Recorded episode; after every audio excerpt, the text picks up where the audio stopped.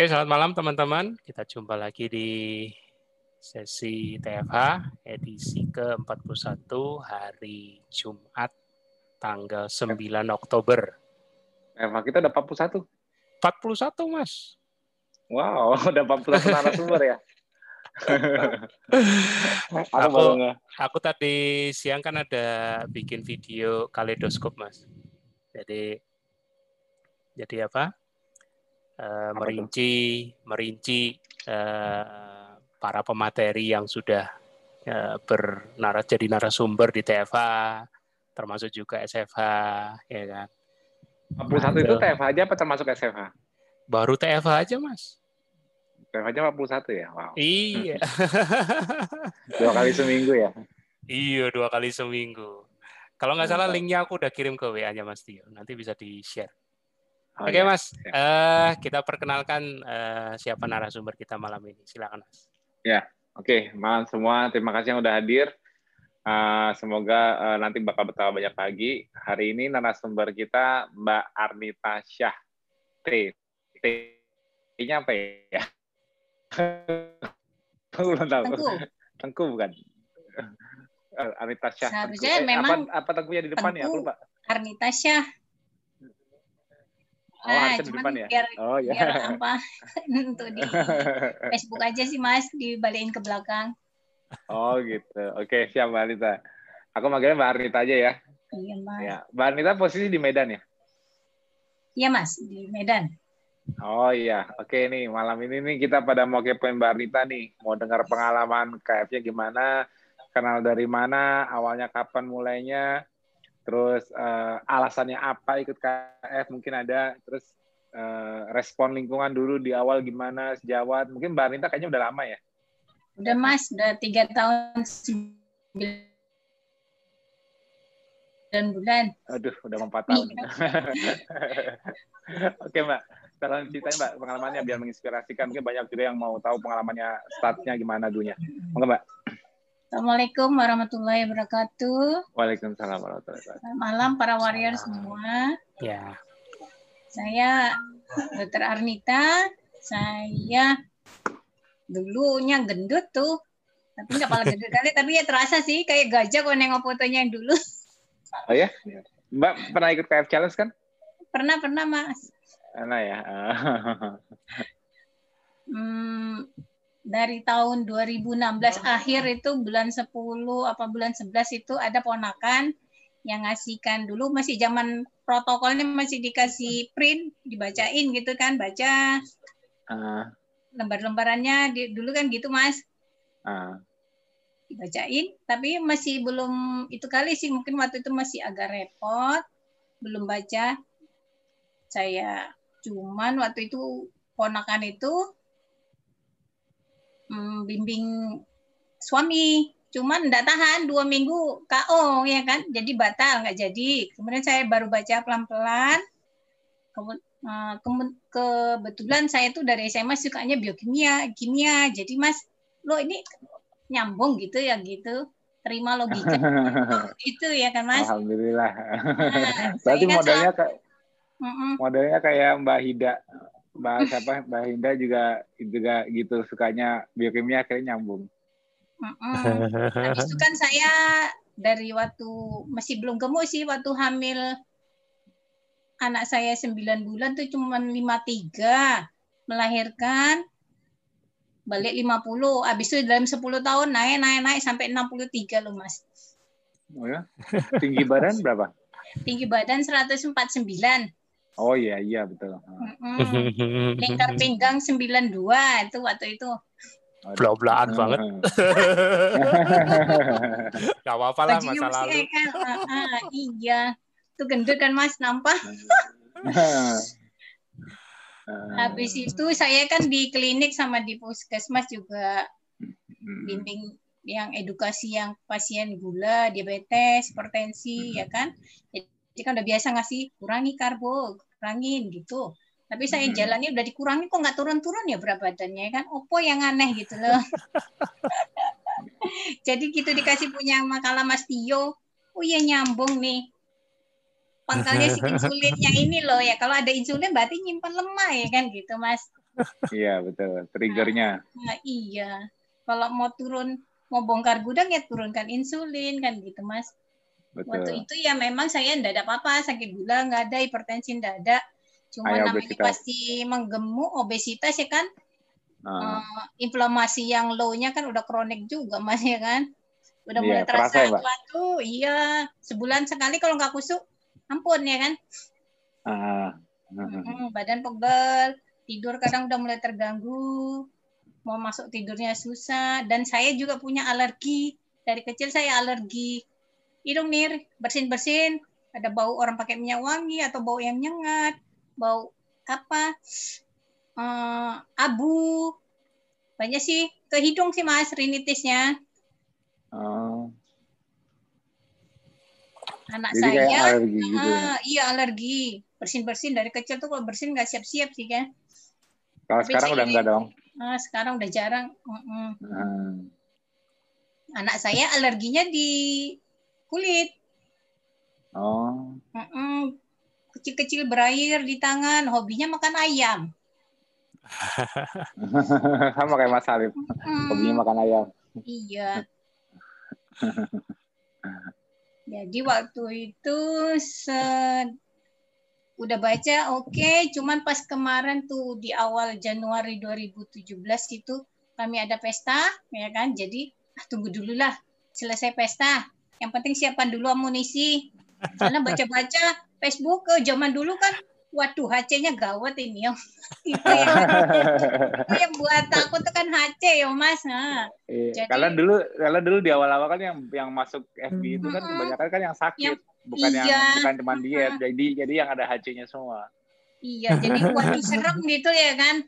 Jadi kalau mau hashtag mesti ada amunisi nih gitu ya kan. Harus lengkap umur udah 46 mulai ya kan. Udah banyak masalah hmm. pasti di badan. Jadi saya karena udah biasa sih memang kurangi nasi jadi waktu memulainya itu sih enggak pala terlalu ekstrim sih mas. Hmm. saya kerjakan di hari keempat yang agak lemas sedikit mungkin terasa ya hipoglikeminya ya mas Hmm. Pas itu lagi di poli banyak pasien. Jam 12 udah keliengan, wis udah nggak ada pasien pulang ke ruangan kamar jaga tidur. Masih di bawah tidur kan? Iya. Ya, itu biasanya udah lebih segar, iya. Ah, kalau aku mal, hmm. memang di awal mulai itu triknya kadang-kadang bagusnya tidur. Jadi untuk untuk karena gini, karena di awal tadi tuh aku aku di kan Mbak tadi barusan masuk ke grup metabolic conditioning kan? Iya mas. Nah, itu sempat Mbak karena nggak lihat chat sebelumnya. Tadi pagi aku habis menjelaskan mengenai sympathetic nervous system. Jadi uh, sistem saraf manusia itu ada yang mengontrol untuk fight or flight ya hmm. untuk kayak jadi lewat melalui stress system yaitu kortisol dan sistem saraf nervous system yang yang simpatetik terus sama itu kebalikannya uh, parasimpatetik parasimpatetik itu untuk uh, kita bisa mudah digesting mempersiapkan tubuh untuk digesting sama untuk istirahat. Jadi jadi. Parasimpatetik itu fungsinya untuk merilekskan diri. Jadi uh, jadi ada dua divisi otonom saraf yang dikontrol oleh sistem saraf autonomous, jadi hmm. ya autonomous nervous system. Nah, pada saat di awal-awal simpatetik nervous system kita kayak kayak lebih meningkat aktivitasnya karena kita sudah pertama kali mulai puasa, mulai tidak makan karbo, itu sebetulnya tubuh lebih stres, maka simpatetiknya dominan. Nah, kadang-kadang simpatetik yang dominan ini juga memunculkan gejala karena kan simpatetik yang dominan ini kan karena demand energi besar. Tapi karena tubuh Mbak waktu awal baru mulai itu masih adaptasi, belum bisa bakar walaupun lemaknya udah dilepas karena insulin turun, tapi tubuh tubuh belum bagus bakar lemaknya. Masih belum belum efektif bakar lemaknya, masih istilahnya gampang gini, masih nyari gula, masih nyari gula karena karena lebih gampang bakar gula dibanding, bakar lemak kalau mitokondrianya masih belum bagus. Nantinya kalau udah bagus, baru lebih mudah bakar lemak. Jadi pada saat ketidakmampuan bakar lemak di awal ini, itu yang menyebabkan simpatetik demand energi jadi besar. Tubuh Mbak stres tapi nggak bisa coping. Maksudnya belum bisa memenuhi kebutuhan energi yang diminta seperti biasanya karena biasa pakai gula. Nah, itu yang membuat SNS kita dominan, simpatetik nervous system kita dominan. Jadi kita malah lebih muncul uh, gejala gejala kayak keliangannya itu pada saat gula darah turun gejala keliangannya rasa apa-apa. Tapi sebetulnya gampang ngakalinya. Ngakalnya apa? Sistem jadi negatif feedback dari SNS itu ialah uh, eh, PNS para sympathetic nerves. Cara memicu para sympathetic nerves itu itu yang pasti kebanyakan kebanyakan apa sistem saraf kontrolnya para simpatetik ini ke usus. Pokoknya ke, ke sistem pencernaan. Nah, dia begitu mendeteksi adanya makanan, para simpatetik ini aktif. Nah, kalau dan juga ada cara lain yaitu apa? Tidur. Tidur itu juga memicu PNS mendominasi. Jadi untuk menekan SNS yang berlebihan, PNS-nya diaktifkan. Caranya gimana? Tidur. Nah, jadi Mbak begitu tidur itu begitu besoknya udah keep up, enakan kan? Iya, lebih segar, Mas. Nah, itu itu itu itu, pathway di belakangnya. Oke, lanjut, Mbak. Habis itu dalam seminggu itu buang air kecil banyak tenan ya kan, Mas? Ya, betul. Karena bahasa insulin masih turun, jadi diuretik ya. sifatnya.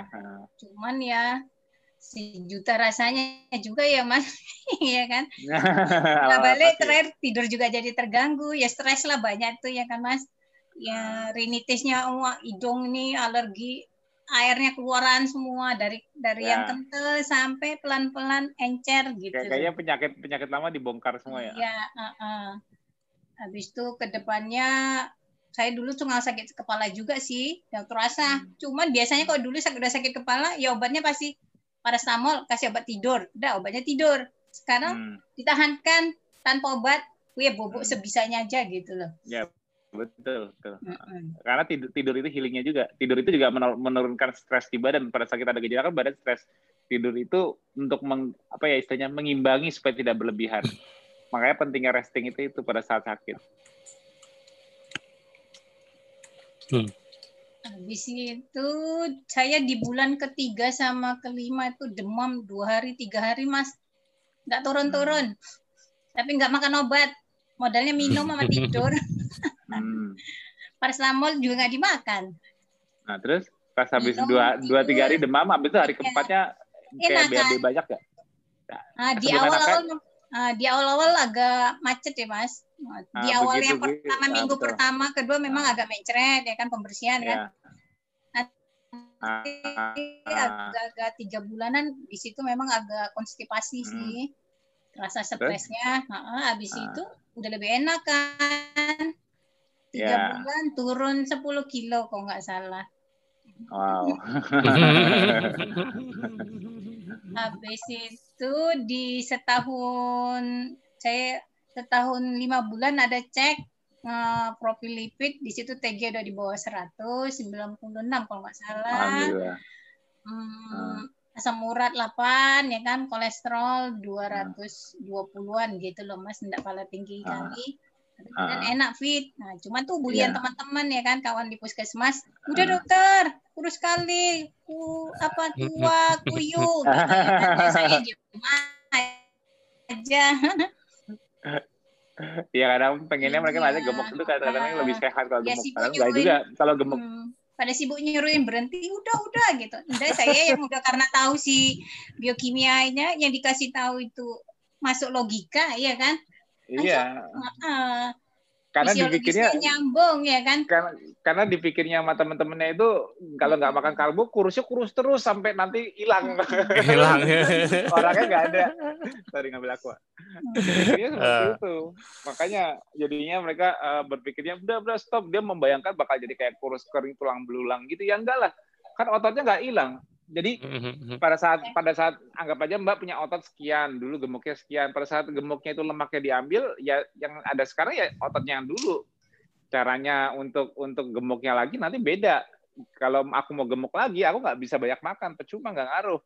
Kan kan nggak pakai karbo, jadi kan insulinnya nggak bisa ditinggiin. Jadi kalau mau menambah berat badan, ya mau nggak mau ya model kayak aku gini. Karena kalau aku kan nggak ada yang berani bilang kurus, tapi kan juga nggak bilang gemuknya gendut kan Berarti nambahnya itu harus dengan masa otot. Jadi untuk gemuk di kondisi tidak makan karbo, gemuknya hanya bisa gemuk fungsional alias gemuk menambah masa otot. Tapi yang mereka bayangkan dan mereka takutkan, Mbak ini kurus terus nanti dikiranya Mbak mengalami sarkopenia, ototnya pada rontok. Kalau Mbak mengalami ototnya pada rontok, gara-gara nggak makan karbo terus ototnya rontok, nggak ada tenaga, malah malah nggak seger, malah, malah ini malah kerja nggak nggak siap-siap mau kerja terus ya iya, kan? itu rahasianya di situ bedanya kelihatan jadi jadi gini ini contohnya nih kayak semua warrior nih di sini yang baru baru ngeliat mbak sekarang di ini pasti ngeliat mbak karena baru kenal kelihatannya ideal ah normal. Tapi bagi orang yang dulu pernah lihat mbak gemuk pasti bilangnya aduh kok, kok kamu kekurusan? Kayak nggak bagus bagusan dulu. Pasti gitu. Karena dia udah punya relativitas. Nah sekarang relatifnya dari orang-orang yang baru lihat mbak saat ini semua pada bilang ya lihat mbak sih normal-normal aja kekurusan juga enggak ya normal ideal gitu loh gitu jadi memang memang biasanya jadi kayak uh, dibuat dibuat relativitas relatif dulu mereka ada yang merasa lebih, lebih enak lihat bagus sekarang enggak. Jadi kayak banyak banyak para warrior kita juga dari lingkungan sekitar yang pernah lihat dulunya gemuk, terus sekarang kurus juga digituin. Tapi kalau ketemu orang lain, ketemu orang ketemu di grup, malah pasang foto di KF Challenge, lihatnya malah bagus. Tapi kalau bagi keluarga mereka nggak bagus, bagusan dulu waktu masih gemuk karena mereka punya relativitas gitu loh. Itu Emang bedanya. cabinya mas. Ya, karena udah gak cabi, karena udah gak cabi lagi. sama, sama udah gak asik diajak makan. Kalau dulu cuman kalau karena dulu saya dokter kan di puskesmas kan dokternya cuma paling berapa. Kalau hmm. yang nanya tuh para nakes yang lain ya tak balikin lagi tak terangin fisiologi tidak ada yang berani ngelawan gitu loh mas. Ya memang senjata kita fisiologi. Iya. Pinternya, pinter, pinternya Mbak itu pinternya Mbak itu apa? Mbak Mbak menjelaskannya bukan makanannya apa yang harus dimakan, apa yang yes. harus dimakan memang pinternya biarkan mereka putuskan. Tapi kita berusaha jelaskan fisiologi. Memang itu cara benernya kebanyakan ya.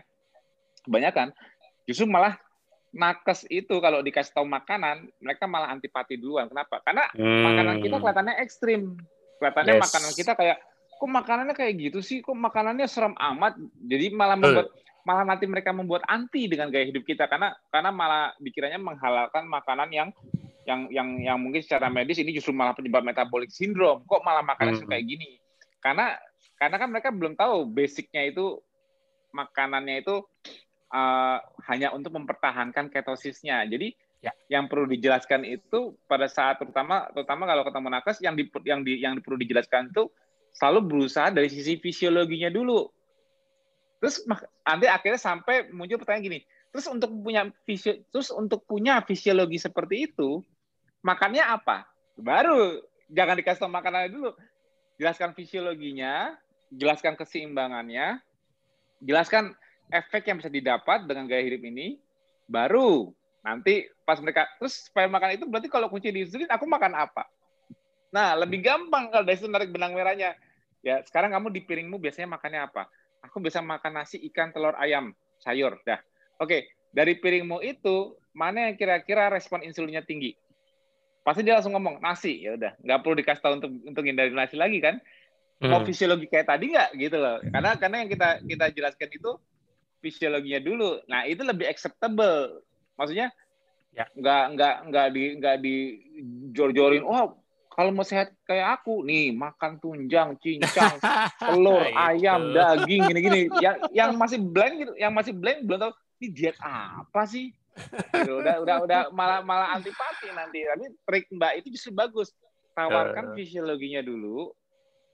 Jelaskan misalnya ada orang sakit ini, kasih tahu patofisiologinya awalnya akar kenapa dia bisa sakit itu, kasih tahu patofisiologinya, kasih hmm. tahu cara nge-reverse-nya, dengan dengan apa yang harus ditekan, apa yang itu secara fisiologi dulu jangan bilang makanan, baru nanti terakhir akhirnya ujung-ujungnya kalau memang udah ketahuan healingnya itu pada saat healingnya secara endosentriknya itu dari fastingnya, terus untuk mempermudahnya gimana? Entah ketahuan baru. Makanya, tapi kok kamu kok makan sedikit kok nggak lemes? Ya karena kan saya nggak nyari gula lagi. Caranya nggak nyari gula, ya saya membiasakan insulin saya rendah.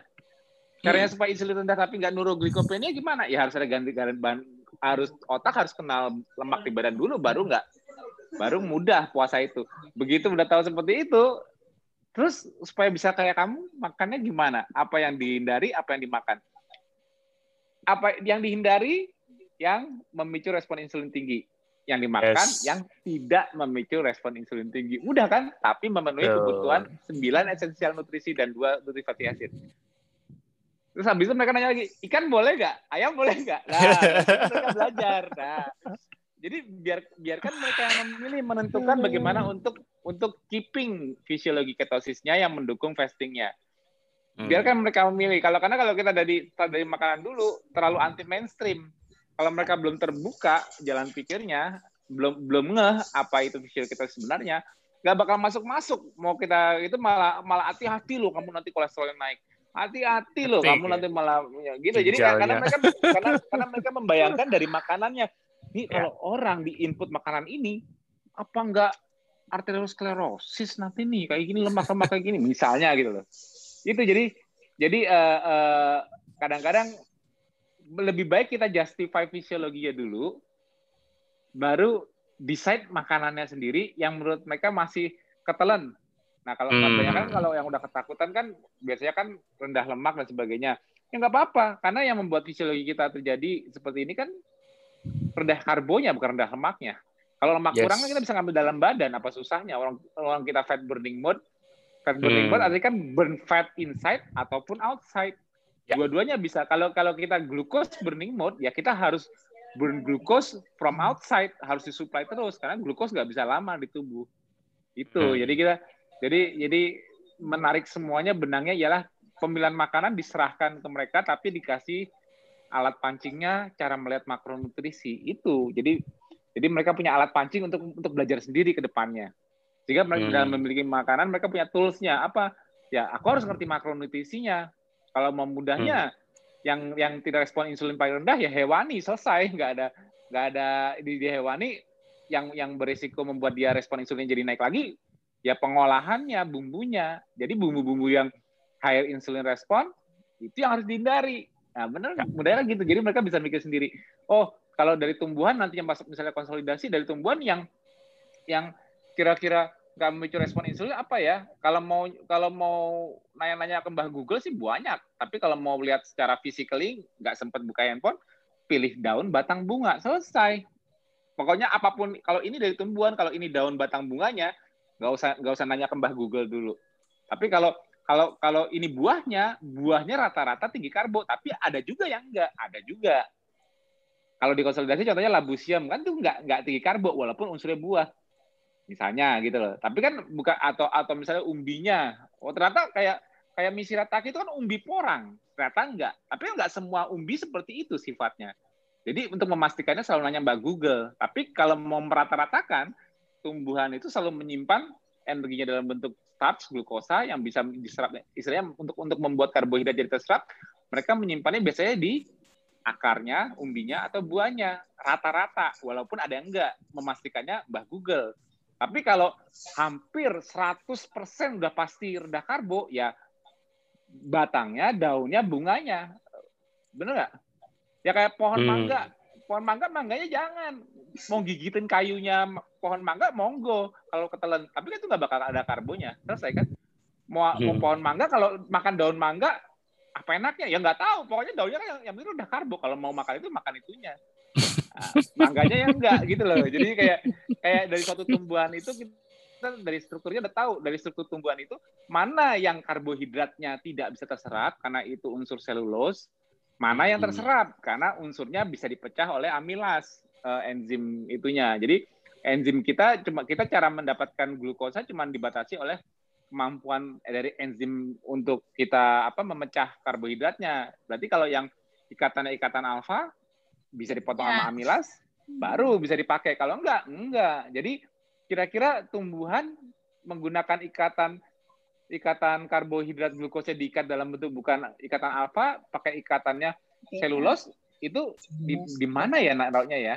Naruhnya di batang bunga sama itunya. Jadi kalau kalau kalau kalau brokoli ya di konsolidasi bisa. Kenapa? Karena brokoli pasti rendah karbo, pasti pasti lebih banyak ikatan selulosnya yang kita cuma numpang lewat ke usus besar. Paling yang manfaatin paling cuman uh, bakteri usus kita terus atau jadi feses.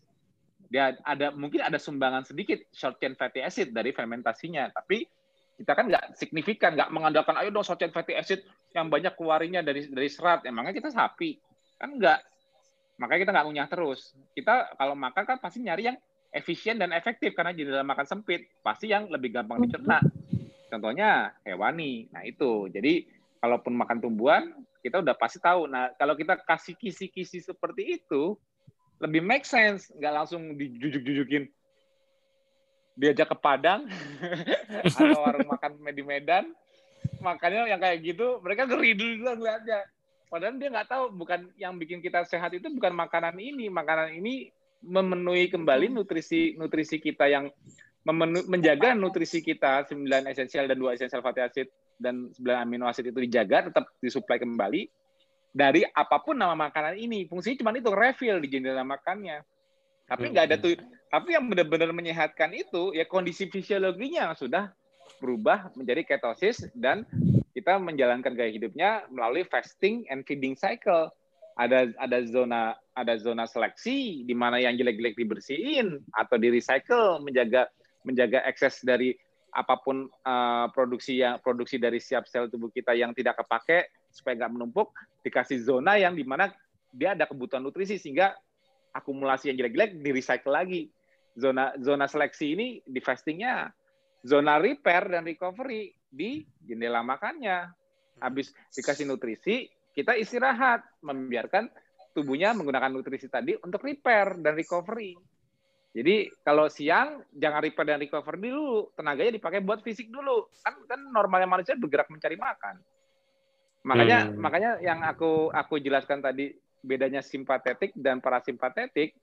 Simpatetik nervous system yang mulai muncul dari pagi hari lewat sistem kortisol kita, itu tujuannya apa? Mempersiapkan tubuh kita untuk strenuous activity, artinya kebutuhan tenaga saat kita bergerak. Nah, pada saat kita kita membutuhkan strenuous activity ini, kortisol sebagai sebagai circadian rhythm yang mulai dari naik dari jam 4.5 pagi naik peaknya peaknya sampai puncak puncaknya kortisol itu ada di jam 9.10 pagi.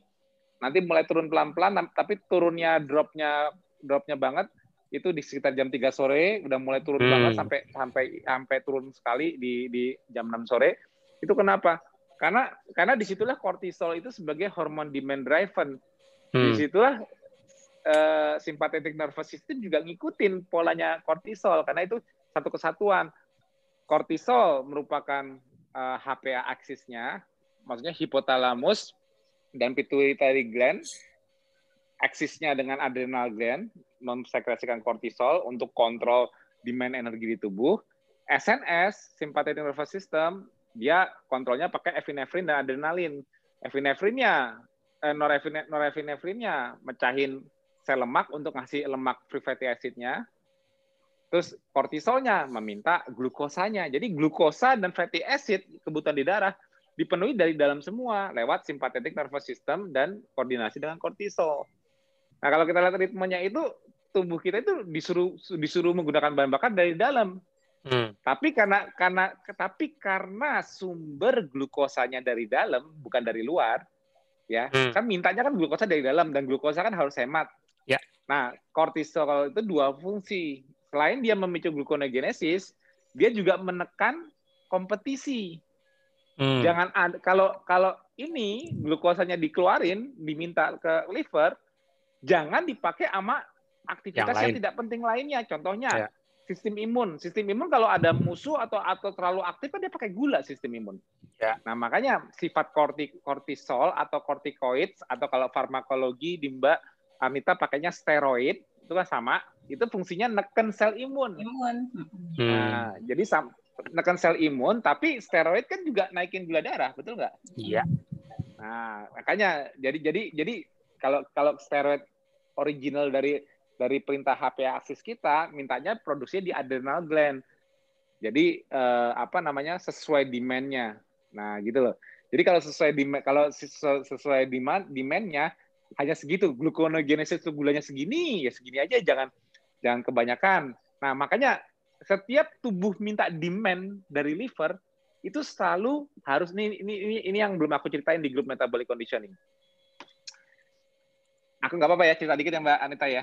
Oke. Okay. Apa sih? nah, ya. Tanya kalau ngetik mungkin lama. Ya, Jadi kalau siap. kalau tubuh tubuh kita ada usaha apa pun yang minta demand, minta permintaan dari liver, itu selalu selalu ada apa namanya ya? Ada pemisahan pemisahannya, ada ada ada apa namanya? Bahasanya apa ya? Ada kompartemen ada apa sih namanya Mas Budi? Apa Pokoknya tuh? pembagian gini jadi gini.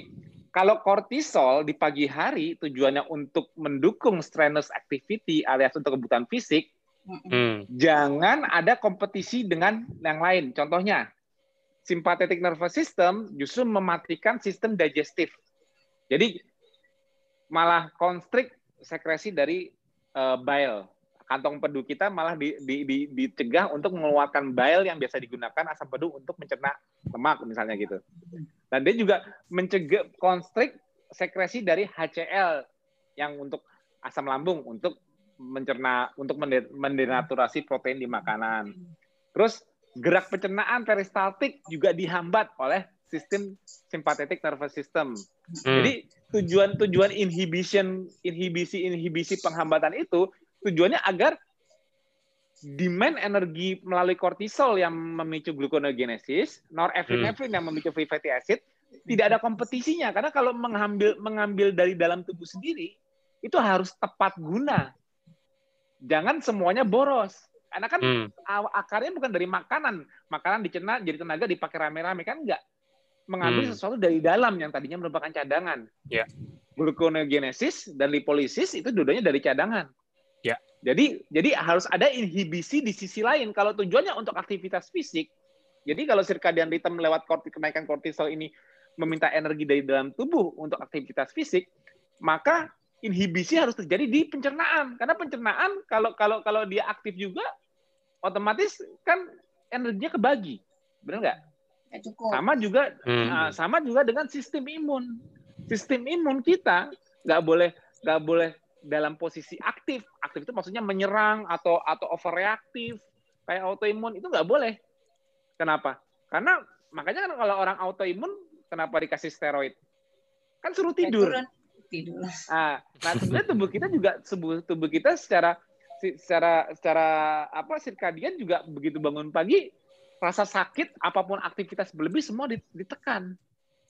Begitu kortisol makin meningkat jam 9 10 ke atas itu, itu tingkat kortisol ini menekan aktivitas imun. Jadi kalau biasanya orang ada penyakit yang belum tuntas, yang biasanya sering gampang sakit, biasanya dia merasa enakan, sakitnya berkurang kalau udah jam 9 ke atas. Nanti mungkin dia kerasa sakitnya lagi jam 3 sore ke malam hari. Mungkin ada yang pernah ngalamin kayak gitu. Jadi dia dia dalam sakit tertentu dia sakitnya itu kerasanya cuma antara jam 9 pagi, 8 9 pagi itu itu itu langsung berhenti, nggak sakit lagi, kayak udah lebih enak badannya karena aktivitas hmm. imun turun. Tapi nanti sore menjelang ke malam hari kerasa lagi sakitnya karena imunnya ya. kerja lagi ada belum tuntas. Betul. Nah, mungkin mungkin ada yang punya riwayat penyakit ngalamin seperti itu. It, itu yang terjadi secara sirkadian. Tubuh secara alaminya memilih pagi dan siang hari untuk energinya difokuskan ke skeletal muscle untuk kita bergerak ya. survive di muka bumi mencari makan untuk bisa makan. Hmm. Jadi steroid steroidal sistem dari lewat adrenalgi lewat HPA aksis kita secara sirkadian menekan sistem-sistem ini Hmm. Sistem imun ditidurkan, sistem digestif ditidurkan. Istirahatkan. Khusus untuk skeletal muscle, bergerak, cari makan. Hmm. Dengan bahan baku. Itu itu namanya point of inhibition-nya. Jadi itu untuk cara menyimbangkannya. Tapi nanti begitu begitu kalau kita lihat dari ritme Mas Budi nggak bisa nempel-nempel apa di layar yang yang tadi gambar aku taruh di metabolic condition ini kalau Mas Budi sempat taruh di layar ya. Oke. Okay. Yang yang yang circadian melatonin dan kortisol. Oh, nanti pada saat nanti pada saat udah masuk jam 3 sore ke sana, pada saat kortisol udah mulai titiknya turun dan nanti diikuti kebalikannya kenaikan melatonin itu juga HPA aksis, di situlah tubuh kita baru di, dikasih baru baru sisi saraf sisi sisi autonomous nervous system lain, divisi lain tadinya simpatetik yang dominan dari pagi, yang parasimpatetik mulai masuk. Nah, parasimpatetik mempersiapkan tubuh untuk terima nutrisi. Artinya gini, kalau kortisol turun, berarti apa yang turun? Gluconeogenesis turun. Hmm. Mungkin mungkin warrior ada yang nge pernah ngetes nggak makan dari pagi sampai sore hari, tapi tetap lihat deh, makin ke sore hari gula darahnya makin turun nggak? Makin turun. Hmm. Gula darah di sore hari ini ini tanpa faktorial karbo ya, tanpa yeah. faktorial karbo, yeah. hanya nggak makan. Peaknya itu nanti jam 9 jam 10 pagi tapi nanti jam 3 sore ke bawah karena kortisolnya ikut turun, modulasi ke liver untuk buat gulanya juga makin turun, gula darah makin turun makin ke sore hari. itu menandak itu juga menandakan bahwa tubuh tidak mengandalkan lagi demand demand energi dari dalam tubuh lagi, tidak tidak ngepus uh, apa liver untuk buat gula lebih banyak lagi. Ya. Di situlah timing yang paling pas untuk masuk nutrisi. Kenapa?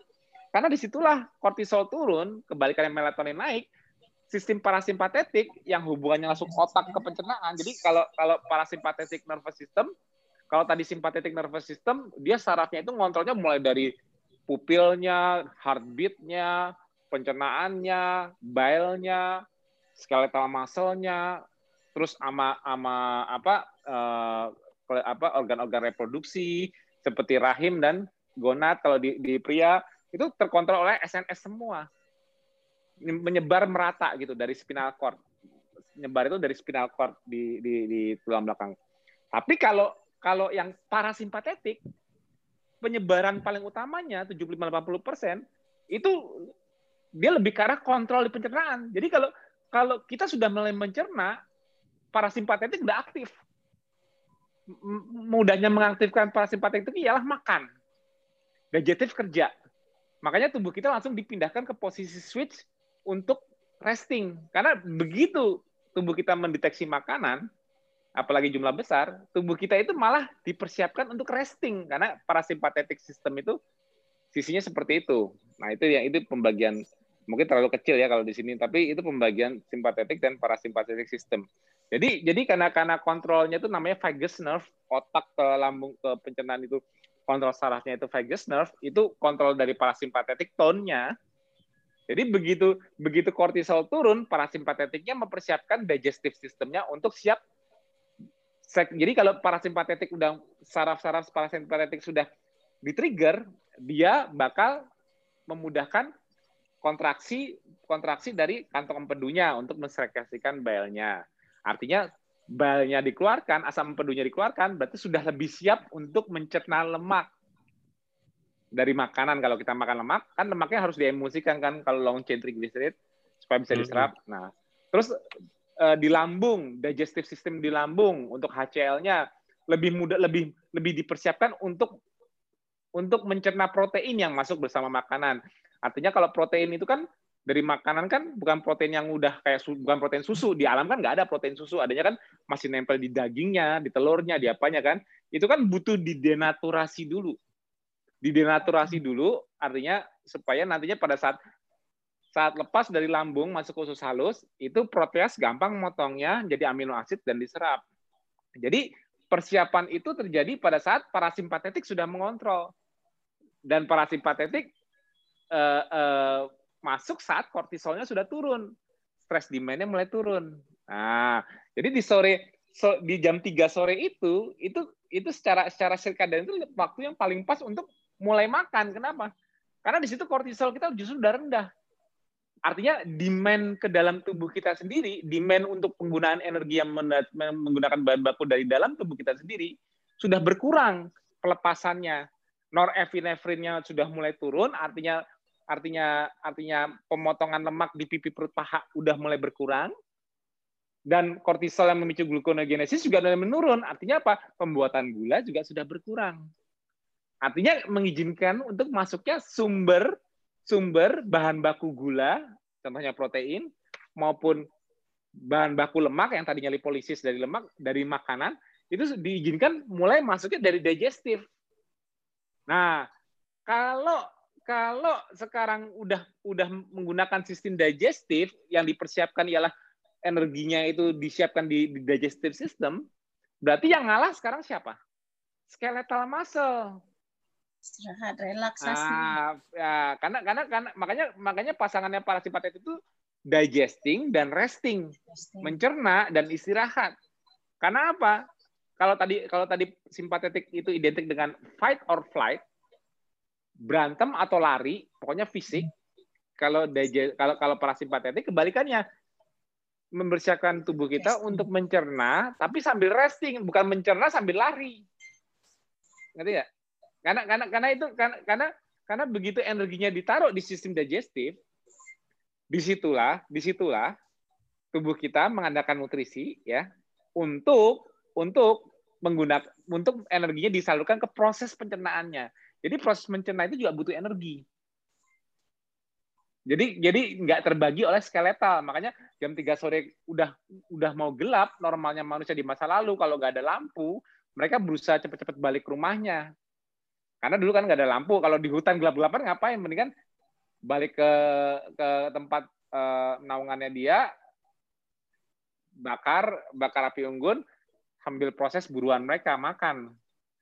Nanti habis makan, karena tubuh mereka simpatetik nervous systemnya udah turun, kortisol turun dan melatonin udah mulai naik, di situlah kita digiring untuk tidur. Ya kan? Makanya ya kan Mas, HC seringan di jam 3 sore, jam 10 malam ya Mas.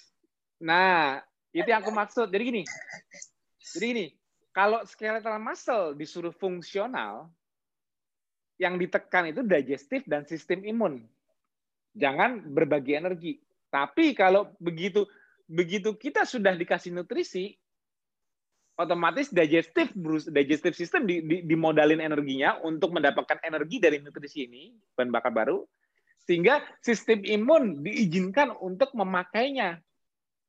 Nah, jadi sistem imun mulai aktif lagi, mulai repair, perbaikan, mulai merespon imun, recovery, apa pun apa pun perbaikan dari kerusakan di saat pagi sampai sore tadi itu dengan aktivitas fisik, olahraga dan apa-apa diperbaikinya pada saat melatonin yang mulai naik, menggiring kita tidur dan digestive system kita mencerna nutrisinya sebagai sumbernya masuk ke dalam.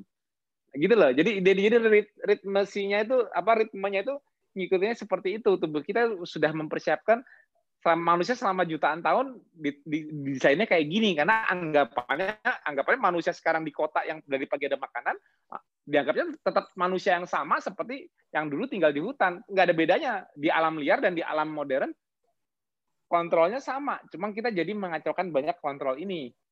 Dan kita mengandalkan energinya udah bukan demand driven lagi. Kita mengandalkannya dari supply driven. Makan dulu baru kerja. Kalau dulu di masa lalu makanan itu ialah reward hadiah kalau mau dapat rewardnya, kamu harus ada effortnya dulu. Effortnya apa? Skeletal muscle, lokomotor harus bergerak mencari makannya. Setelah mengeluarkan effort, lokomotor bergerak, baru dapat rewardnya. Nah, rewardnya ini dimasukkannya kalau jendelanya rata-rata di sore ke malam hari, bukan malam banget, karena malam banget melatonin juga naik terus. Otomatis kan digiringnya tidur, ketidur, bukan ngunyah terus kan, nggak ada lampu juga kan. Nah itu, jadi jadi sistem kontrol ini, sirkadian ini yang yang yang yang menggiring manusia untuk masuk fasting dan feeding cycle. Dari zona fasting menggunakan energi endosentrik dari dalam baru kita masuk eksosentriknya.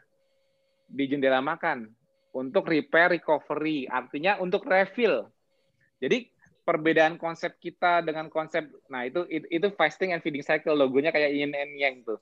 Hmm. nah jadi kalau yang kalau kalau yang fasting itu apa uh, dominasi kontrolnya untuk demand energi di situ norepinefrin itu itu menggambarkan sel lemak. Jadi hmm. jadi kita kalau di, di di di tubuh kita karena cadangan energinya itu lemak, kita liposentrik, makanya perintahnya ialah pada saat fasting lemak harus bisa dibuka kulkasnya untuk suplai energi. Lemak untuk otot, untuk dan sebagainya. Otot-otot di tubuh kita, skeleton mata bergerak itu pakai lemak, free dari body fat kita tapi untuk otak karena nggak bisa pakai lemak, di situ juga dirubah dulu di liver menjadi keton, sehingga otak hmm. juga bisa ikut make, bisa fokus, konsentrasi. Hmm. Nah, tapi begitu kita masuk, begitu kita masuk feeding, kontrol kontrolnya feeding itu hormon yang utamanya ialah insulin. Insulin. Jadi yang menandakan kita sudah masuk ke jendela makan ialah kenaikan insulin. Dari mana ya. kenaikan insulinnya, Mas? Kan nggak makan karbo, tapi kan kamu makan protein.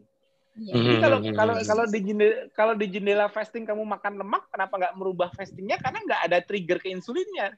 Uh.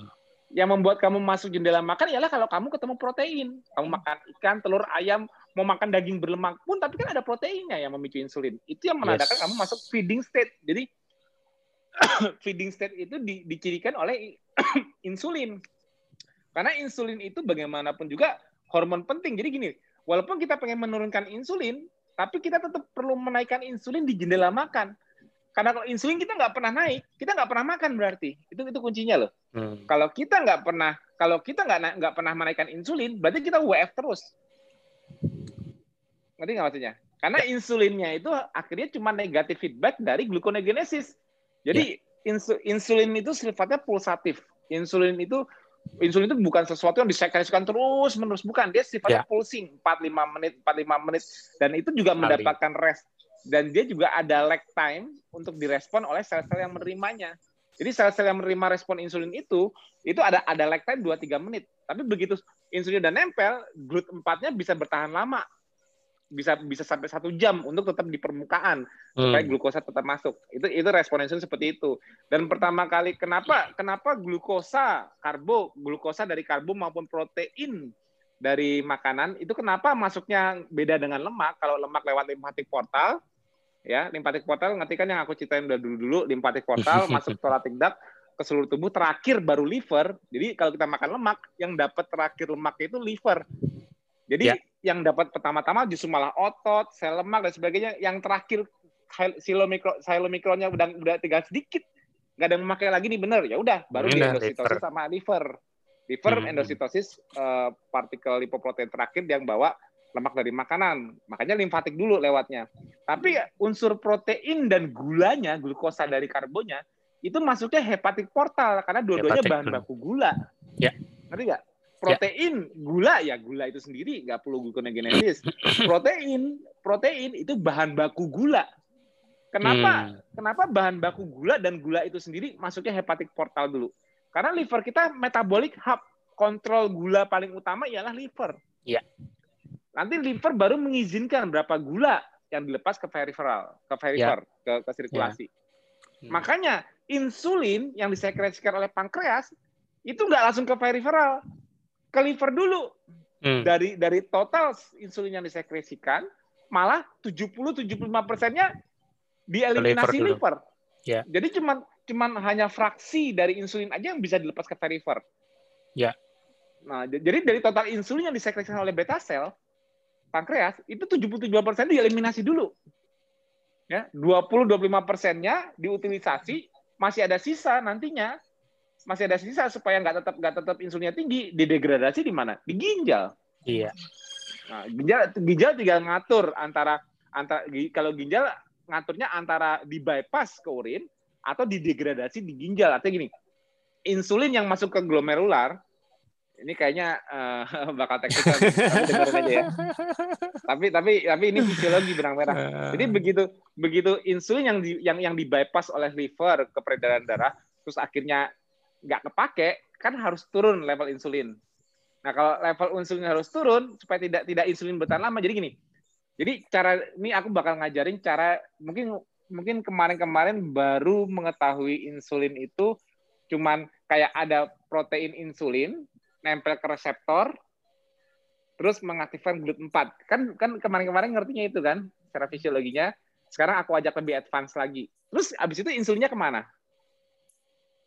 Kan belum tentu banyak yang paham kan mengenai fisiologi dari insulin ini kan. Nggak, aku, aku kadang-kadang gini, aku tuh kalau pas lagi ngomong atau ditanya baru keinget ya. ilmunya ada di sini, cuman aku kalau nggak ditanya nggak keluar. Mumpung masih ingat mau diceritain nggak? aku soalnya gitu tiba-tiba keinget, tapi aku nggak sempat nyari gambar. Jadi aku ceritain, aku bayangkan aja ya. Ini karena apa? Aku ngeliat gambarnya di kepala aku, mau aku aku langsung keinget terus pengen aku keluarin. Boleh nggak? Agak rumit dikit boleh nggak? Daripada nanti nggak pernah dapat kesempatan lagi tahu insulin dari mana. Aku lagi inget oke okay, ya. Waduh, bakal keluar banyak. aku aku aku ngeri, aku ngeri kalau gambar di kepala aku ini aku ceritain semua. Mental semua, makanya aku lagi mikir-mikir gimana ceritainnya. Oke gini, aku persimpel. Karena tadi aku ngomong terus, terus tiba-tiba aku kayak membuka buka gambar-gambar ingetanku kayak keluarin semua gitu. Jadi jadi aku tadi cerita nyambungin dari mbak tadi itu uh, apa mbak Arnita cerita ini kan aku tadi cuma cerita biasa. Tapi aku hmm. orangnya kayak gini tiba-tiba tiba-tiba pas cerita ini nyambung ke sini nyambung ke sini. Kenapa? Karena di kepala aku itu kayak ada yang dibuka-bukain gitu pintunya. Kayak kayak ingetan hmm. tuh kayak di tak abis itu cerita inilah tak abis itu cerita ini tadi. Cuma mau ceritain SNS PNS tapi karena keinget tapi selama ini kan gue juga belum pernah cerita mengenai insulin gimana kan. Jadi mumpung inget mohon maklum kalau diceritain sekalian. Karena nanti kalau nggak ada nanya aku kesimpan lagi di dalam. Aku nggak keluar lagi. Jadi gini. Insulin yang disekresikan pankreas itu 75 70 75 persen udah di di di di dieliminasi alias didegradasi. Jadi insulinnya insulin jadi gini, mumpung belum mumpung masih di sekitar liver nih, nggak jauh-jauh dari nggak jauh-jauh dari hepatik portal di usus. Begitu insulin insulin disekresikan dari sistem digestif di di apa oleh pankreas, 70-75% itu ada sebagian yang mem, mem, memicu uh, respon signaling di dalam liver itu sendiri. Artinya apa? Respon dari insulin ialah menekan gluconeogenesis. Ya, oke okay ya. Kalau kalau glukagon, glukagon itu menaikkan gluconeogenesis, insulin menekan hmm. respon respon gluconeogenesis. Nah, berarti aktivitas cyclic AMP-nya sebagai aktivator dari untuk PEPCK enzimnya katalis gluconeogenesis ditekan di situ. Itu fungsi insulin. Jadi fungsi insulin di liver bukan untuk mengambil gula. Hmm. Kalau kalau kalau di sel lain kan transporter glut 4 yang untuk ngambil gula kayak di otot gini kan kalau ada insulin yeah. baru glut 4 naik, yeah. gula masuk. Yeah. Kalau insulin di liver tujuannya bukan itu. Insulin di liver tujuannya ialah untuk mengontrol selular signaling lainnya. Salah satunya ialah gluconeogenesis. Yeah. Yang tadinya untuk buat gula, pembuatan gula ditekan. Hmm. Tapi insulin juga mengaktifkan jalur-jalur anabolik lain di liver. Contohnya lipogenesis pembuatan yeah. lemak. Hmm. Sterogenesis pembuatan sterol Kole atau kolesterol. kolesterol. Itu di, it, itu diizinkan aktif oleh oleh reseptor insulin di liver. Yeah. Jadi insulin reseptor di liver itu bukan mengaktifkan glut 4 kayak di sel lain terus buat gula enggak. Karena buat cara, energi bukan. Cara, cara liver mendapatkan glukosa itu transporternya bukan glut 4 tapi glut 2. Fungsi hmm. glut 2 ini supaya bisa masuk gula tapi bisa ngeluarin gula juga. Artinya bisa glikolisis, bisa gluconeogenesis. Jadi gula kembali keluar. Makanya dia pakainya glut 2. Dan dia itu standby di permukaan sel. Itu fungsinya. Itu itu itu untuk untuk deliver. Oke, kembali lagi ke insulin. Setelah 70-75% itu sebagian ada yang mengaktifkan cellular signaling itu, ada insulin yang nggak kepake, itu sistemnya ini kayak ini reseptor insulin ya, begitu insulin nempel, dia itu ditarik ke dalam endosit. Jadi gini, kayak gini deh, kayak kayak masih fresh kan SARS-CoV. Begitu virus SARS-CoV nempel di S2 terjadi endositosis. Jadi jadi jadi jadi uh, di, dimasukin ke dalam endosom. Jadi virusnya masuk ke dalam endosom. Nah, akhirnya virusnya menginfeksi karena begitu asidifikasinya membuat lipid membrannya endosomnya lipid di endosom itu lipid membrannya virus kelepas materi genetik keluar. Itu kan kalau virus. Tapi kalau kalau insulin begitu dia nempel di reseptor insulinnya hepatik di di hepatosit dia di endositosis tapi nanti dia dikirim ke lisosom. Atau bisa juga proteas untuk didegradasi. Jadi kalau kalau di endosom itu dia terlepas ke sitoplasma bisa masuk sistem proteas atau dia digabungkan ke lisosom kayak autofagi untuk menjadi amino asid lagi. Itu cara mendegradasi insulin. Nah, insulin yang terlepas ke, ke peredaran darah yang diterima otot sebagai sinyal untuk ngambil gula itu juga setelah diaptek di endositosis degradasi. Nah, insulin yang yang yang yang tidak digunakan kan otot udah pernah pakai insulin semua nih dengan insulin nempel di sel otot, gut 4 naik bertahan sekitar 1 2 jam lah nggak aja gula masih bisa masuk tapi nanti akhirnya turun hmm. lagi. Oke okay, ya ya. Nah terus yang yang yang nggak yang yang insulin yang nggak mengaktifkan ini ditaruh di mana? Kan dia harus di herang harus sorry harus hilang dari peredaran. Kalau nggak kan hiperinsulinemia. Karena kan karena kan yang yang sebelumnya ini kan harus dibereskan karena kan pankreas masih ngirim terus. Karena sifatnya dia pulsatile dia juga mendengarkan respon gula dari sirkulasi. Ya kan? Nah yang yang di depan ini kalau kalau kalau nggak hilang akhirnya kan akumulasi sama yang baru, ngerti nggak? Akhirnya jadi hmm. hiperinsulinemia. Kalau hiperinsulinemia kan nggak boleh, itu patologis.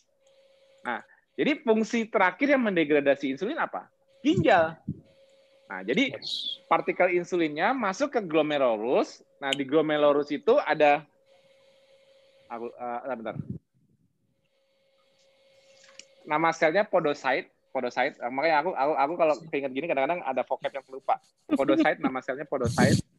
Podocyte itu fungsinya untuk kontrol uh, sirkulasi insulin. Jadi podocyte itu tipenya tipenya kayak di lumen membrannya itu dia kayak ada ada jari-jari yang ada kayak projectil gini yang fungsinya kayak kayak kayak untuk saringan lah anggapnya untuk saringan ginjal itu kayak saringan dia projektilnya itu dari lumen membran itu kayak gini itu yang di, di tempat situ terjadi seleksi insulin insulin di, di lumennya dari glomerular itu di, di ginjal insulin itu bisa di bypass bisa direabsorpsi tapi tapi kalau kalau kalau di di lokasi lumen itu di reabsorpsinya itu biasanya untuk didegradasi.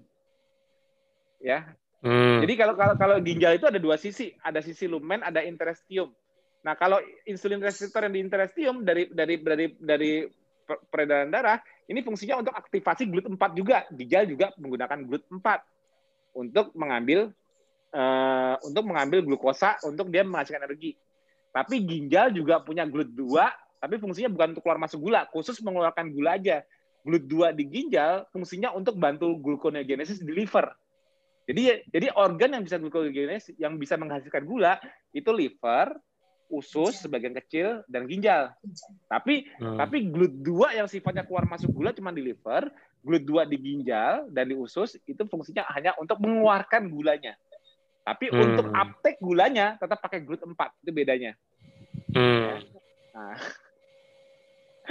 Pusing ya? Pusing ya? Pusing kan? Nah, ya, makanya aku bila tahu saat ini karena apa skemanya ada di kepala aku semua mengingat aku ceritain.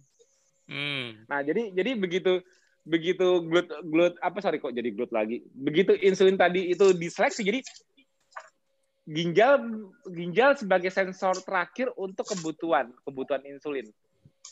Jadi insulin yang nggak dibutuhkan itu dibuang, dibuang dengan cara sebagian kecil disekresikan korin, 2 persen, 3 persen lah disekresikan korin. Yang lainnya benar-benar didegradasi. Artinya degradasi, dieliminasi. Artinya apa? Yang nempel di insulin di sisi lumen, insulin reseptor yang di sisi lumen, beda sama interstium. Yang di sisi lumen ini fungsinya kalau nempel di sini, gue tarik untuk degradasi kalau yang di sini, gue tarik untuk aktifkan cellular signaling untuk naikkan GLUT4. Jadi ada ada dua sisi yang berbeda dari glomerular system di pod sel podocyte ini. Nah, itu seperti itu. Nah, jadi jadi begitu ginjal ada masalah, biasanya eliminasi insulin terganggu. Jadi kalau ginjal masalah, hiperinsulinemia bisa terjadi. Tapi kebalikannya, hiperinsulinemia hiperinsulinemia juga bisa membuat ginjal jadi bermasalah. Hmm. Makanya orang-orang diabetes itu nggak jauh-jauh dia bakal CKD akhirnya. Karena kalau dia tetap hiperinsulinemia terus, akhirnya kalah ginjal. Kenapa? Hmm. Karena karena karena ginjal itu nggak mampu handling semua uh, insulin yang berlebihan ini. Dia punya punya batasnya juga. Yes. Nah, karena dia dia degradasi. Jadi jadi organ pendegradasi insulin terbesar liver. Misalnya hmm. sel-sel peripheral sebagian, Terus terakhir ginjal. Ginjal. ginjal. Nah, Sistemik itu, itu ya. Cara cara nah, cara insulin sebagai anabolic respon harus ada sistem penghilangannya juga. Nggak cuma yeah. nempel ke reseptor tapi itu aja gitu loh. Itu, itu basicnya. Ya. Dari sistem insulin. Jadi jadi jadi uh, kembali lagi ke awal. kembali sorry ya Mbak Mbak Arvita. mikirnya harus mikirnya harus the whole system memang. Iya, mikir, mikirnya harus the whole system. Jadi kembali lagi ke awal, pada saat kita masuk parasympathetic system, di mana insulin kita siap siap membantu membantu karena si insulin kita tadinya cuman tadinya di, di pada saat masih di jendela puasa hanya merespon terhadap gluconeogenesis supaya nggak berlebihan aja.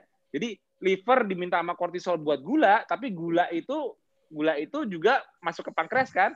Nah, gula itu menaikkan ATP, merubah komposisi apa uh, kalsium dan dan potasium influx dan outfluxnya sehingga dia sensing pada saat eh udah stop jangan kebanyakan dia mulai sekresikan insulin lagi jadi jadi pankreas itu di jendela puasa nahan gula dari liver kalau liver kelebihan kalau hmm. liver kelebihan insulin kerja. Uh, uh, insulin kerja supaya gluconeogenesis nggak berlebihan jadi ya. di jendela puasa cuman cuman antara pankreas dan liver aja nih liver aja Nah, liver dan pankreas. Tapi begitu hmm. di jendela makan, pada saat parasimpatetik udah mulai siap, digestif hmm. sudah kerja, hmm. makanan mulai masuk, kan sumber hmm. glukosa dari makanan, yaitu kalau kita yeah. makan karbo, berarti kan dari protein. Iya. Yeah. Benar nggak? Yeah. Nah, di situlah eh, negatif feedbacknya insulin terhadap jumlah gluconeogenesis yang dihasilkan oleh protein di makanan. Jadi pada saat masuk jendela makan, kenapa gluconeogenesis dari bahan baku gliserol ditekan? Jadi gini, pada saat kita makan protein, ada dua hormon yang naik bersamaan. Kalau kita hmm. makan karbo, insulin naik, glukagon turun kan? Ya. Yeah. Tapi kalau kita makan protein, dua yang naik. Hmm. Insulin naik, glukagon naik. Kenapa seperti itu, Mas? Karena gini, karena protein itu bukan gula. Jadi pada saat protein di metabolisme pertama kali bypassnya di liver, jadi liver itu bypassnya protein dan gula pertama kali. Makanya disebutnya metabolic hub. Dia, hmm. liver yang mengontrol berapa yang dilepas ke sirkulasi. Kecuali BCAA, itu langsung di, di bypass. Hmm. Berapapun jumlah BCAA di dalam kandungan makanan proteinnya, itu langsung di bypass karena liver tidak punya enzim sama sekali. Jadi liver itu mengontrol semua yang bisa dia kontrol, yaitu yang glukogenik amino acid dan ketogenik amino acid ya. Yang ketogenik amino acid untuk untuk entah entah entah bantu buat keton atau untuk ATP itu sifat yang ketogenik amino acid. Yang glukogenik hmm. amino acid entah di bypass kalau memang kebanyakan biar dipakai sel lain atau dia tapi dia pasti pakai duluan untuk gluconeogenesis. Jadi di diaminasi nitrogennya dibuang lewat urea, karbonnya yang glukogenik amino acid ini ini digunakan untuk buat gula. Nah kalau untuk kalau membuat gula dari rantai karbonnya uh, uh, glukogenik amino acid, otomatis kan enzim yang dipakai sama di gluconeogenesis. Ya. Ya kan PPCK yang dipakai. Ya kan? Nah, kalau enzim katalisnya PPCK dipakai, berarti gluconeogenesis harus nyala dong. Harus ada ada unsur dari signaling cyclic AMP-nya yang jalan. Nah, triggernya apa? Glukagon. Nah, jadi syaratnya kalau protein mau jadi gula, glukagon harus naik. Hmm. Tapi setelah protein menjadi gula tadi, gulanya dikemanain? Kalau kalau kalau gulanya dikeluarkan dari liver, berarti berarti ditujukan untuk ekstra hepatik tisu untuk jaringan di luar liver. Respon mereka kan rata-rata pakai glut 4 yang harus ada respon insulin. Benar nggak? Hmm. Itu sebabnya insulin juga disekresikan. Jadi gini, protein memicu insulin dan glukagon. Glukagon untuk proses mendorong perubahannya dari protein menjadi glukosa. Insulin yeah. yang mendorong agar glukosa dipakai di peredaran. Jadi tidak tidak menaikkan gula darah. Kenapa? Dibuat gulanya, tapi juga dihila, dikasih modal untuk menghilangkannya, maksudnya ya. mengapteknya. Hmm. Sehingga sehingga di jendela makan liver, eh sorry, jendela makan otot itu bisa pakai gula. Itu yang pada kabur duluan pada pada mumet ya. Dengerin dulu. pada lain pada pada pada mumet. Udah gak tahan dia. yang aktif yang penasaran tuh. Banyak nakes yang masih pada aktif penasaran mereka. Yang awal pada kabur semua. Untuk direkam. Ya ya ya Lanjut, jadi mas. insulin insulinnya itu men-trigger sel-sel lain di di luar ekstra hepatik tisu untuk apek gula yang dihasilkan dari liver. Jadi itu merupakan salah satu bentuk hep, apa glycemic control dari protein. Kenapa protein tidak memicu? Kenapa protein merupakan substrat substrat sumber glukosa yang glycemic indeksnya paling rendah? Kenapa? Karena sangat terkontrol untuk menjadi gula. Dipastikan juga ada yang membawanya turun kembali. Itu yeah. ada fungsi entah entah di otot itu kembali buat nge-refill glikogennya tadi dipakai di jendela puasa hmm, hmm. atau buat eh, menggantikan di fatty acid cycling menggantikan trigliserid yang kepake yang tadinya yeah. di lipolisis diisi ulang tapi tidak memenuh-menuhin banget tidak benar-benar store mode hmm. itu itu fungsinya jadi jadi dari situ jelaskan bahwa parasimpatetik mengizinkan sumber gula dan lemak dua-duanya dari makanan simpatetik hmm. mengizinkan penggunaan gula dan lemak dari dalam tubuh endosentrik jadi jadi fasting kita endosentrik begitu masuk feeding kita exosentrik Kapan timingnya? Lihat di grafiknya kortisol. Karena kortisol hmm. itu trigger untuk ngambil dari dalam, terus ya. mulai mulai mengizinkan dari luar ya. Ya, betul. Eh, artinya mengizinkan dari luar. Jadi yang dari luar Hasil. masuk, parasimpatetik mulai masuk. Nah, itu, itu itu itu transisinya itu seperti itu dalam dalam apa? fasting and feeding cycle di di KF itu seperti itu desainnya. Desain awalnya masuknya jam 3 sore ke atas. Makanya kalau ngeliat aku kenapa aku bilang Mas Tio paling cepat makan jam berapa? Badasar. Jam 3 kan? Nah, paling cepat kalaupun harus makan, aku jam 3 sore ke atas. Tapi rata-ratanya aku makannya habis maghrib, itu aku. Tapi warrior lain boleh dari jam 12. Hmm. Ya memang sih jam 12 itu juga udah udah dalam udah dalam penurunannya kortisol. Kan peaknya jam 10. Peaknya jam 9 hmm. 10 peak, dia mulai turun. Tuh jam 12 jam 12 itu dalam zona penurunannya. Paling rendah di jam 3 sore. Makanya aku aku pribadi mungkin warrior juga pernah ngerasain yang udah lama ya yang warrior yang udah lama. Mungkin ngerasain baru bener-bener kerucuk-kerucuknya.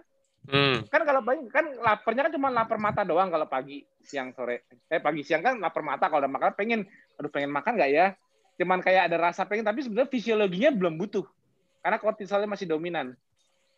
Tapi yang bener-bener kita udah kerucuk-kerucuk jam 3 ke atas kenapa karena di situlah parasimpatetik kita sudah mempersiapkan sistem digestif. Asam lambung sudah disiapkan untuk menerima protein. Bile sudah disiapkan, siap disekresikan, siap dipencet, krok, siap kontraksi untuk mencerna lemak. Ya. Itu sebabnya di jam 3 ke atas, secara fisiologinya, fisiologinya kita bisa dengar. Udah mulai krik, krik, krik, jangkrik. Bukan jangkrik, itu asam lambung memang ya karena memang memang memang parasimpatetik kita membuat digestifnya itu disiapkan di jam segitu. Makin ke sore hmm. hari makin krik krik krik. Kalau dulu krik kriknya itu dari pagi. Kalau ini nggak mumet mas. Ya kan, langsung balik kalau, lagi. Ya kalau kalau kalau dulu kan jangkriknya dari pagi, makanya butuh sarapan. Sekarang jangkriknya bunyinya benar-benar kayak jangkrik beneran.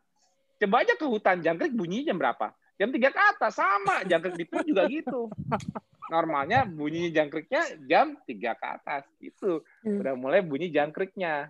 Nah itu. Artinya jangkriknya masih dikasih makan. Nah itu itu jam 3 ke atas. Tapi ya nggak harus saat itu juga. Kalau aku sendiri juga jam 3 tapi kadang-kadang tapi kadang-kadang jangkriknya nggak bunyi kalau hmm. kita masih ada aktivitas fisik. Jadi jadi gini. Kalau kita benar-benar sibuk hmm. walaupun kita kita benar-benar sibuk jam 3 sore itu parasimpatetik yang mau masuk kayak ditahan dulu. Iya, nggak boleh jadi, masuk. Jadi, jadi, jadi parasimpatetik yang mau masuk agak ketahan, ditunda. Karena iya. simpatetiknya masih kita pasang karena kita masih bergerak fisik. Iya, olahraga. Jadi, lah, jadi kita apa pun. kita membuat membuat SNS kita lebih dominan, menekan. Jadi mm -hmm. jadi kalau kita kalau kita nggak banyak aktivitas fisik, jam 3 jangkrik bunyi. Mm. Tapi kalau kita kita udah udah udah masih sibuk masih benar-benar mm. sibuk, jam 3 itu masih banyak gerak sana sini, krik-kriknya juga nggak kedengeran kok, tenang aja. Itu malah kayak ditunda-tunda-tunda-tunda ke sore hari. Jadi pada saat, jadi pada saat kita sudah nggak banyak kegiatan, udah pulang dari kantor, udah pulang dari aktivitas lapangan, udah jam 5 jam 6 di rumah, udah duduk, hmm. itu baru krik ya baru krik krik kriknya berasa di saat kita sudah mulai resting. Kenapa? Digestif itu paling siap pada saat dikombinasi dengan resting, bukan dengan fisik. Iya. Makanya betul. kalau kalau kalau pagi, kalau warrior kalau pagi jarang bergerak, puasanya kerasa kenapa? Karena harusnya di kondisi puasa kita SNS-nya aktif, karena SNS kita dan kortisol membuat energi kita untuk skeletal muscle tapi nggak dipakai kita kebanyakan duduk misalnya hmm, hmm, hmm. akhirnya kita kita kita nggak makan karbo tapi kita mager kita nggak yeah. makan karbo kita puasa tapi kita mager anggap aja seperti itu hmm. tahu nggak apa yang terjadi karena simpatetik nervous systemnya itu nggak dibikin dominan, walaupun dia zonanya dominan tapi dia nggak dibikin dominan, akhirnya parasimpatetiknya jadi kayak berusaha masuk. Masuk, betul. Jadi jadi kitanya masih segar dari lemak tapi tapi digestive systemnya kayak kayak udah minta makanan. Jadi kayak lapar fiktif, lapar saraf. Ya. Nah, jadi dominasi simpatetik nervous system yang harus di kita kita kita kita rangkul dengan kita memanfaatkannya oleh aktivitas fisik skeletal muscle ini nggak digunakan. Akhirnya mengizinkan PNS PNS-nya parasimpatik nervous system-nya untuk intervensi. Jadi hmm. jadi makanya kenapa aku bilang kalau kita aktif bergerak di jendela puasa nggak ada tuh makan aja lupa kok. Tapi kalau kita nggak banyak gerak, kayaknya waduh puasa panjang nggak kuat. Kenapa? Karena kamu lagi nggak yeah. banyak gerak. Kalau kamu banyak gerak yeah. malah dikeluarin semua isinya. Malah iya. nggak yeah. lapar-lapar kuncinya kuncinya minimal sibuk deh. Kalau sibuk nggak lapar. Kalau kalau puasa tapi nggak sibuk itu bolak-balik mikirin makanan mulu. Nah itu itu itu itu kita lihat dari sisi kontrol sarafnya di tubuh kita. Hmm. Itu logiknya. Udah kelamaan, udah kembali ke Mbak Mbak, Berasa ya Mas ya? Berasa ya. Ayo lanjut gimana cerita lagi mbak? Hmm, sampai mana tadi ya mas? Sampai yang banyak. Jadi jadi cara kita cara cara kita kalau hmm. untuk membuat nakes lain eh, apa kalau mbak kan sistemnya kan menjelaskannya kan dari sisi fisiologi dulu. Nah, hmm. mungkin itu yang bisa lebih diterima, benar nggak sih? Dibanding langsung ngomong makanan. Jagonya, kalau yang di awal-awal kan awal masih gendut, habis itu lagi masa adaptasi. belum jadi living proof.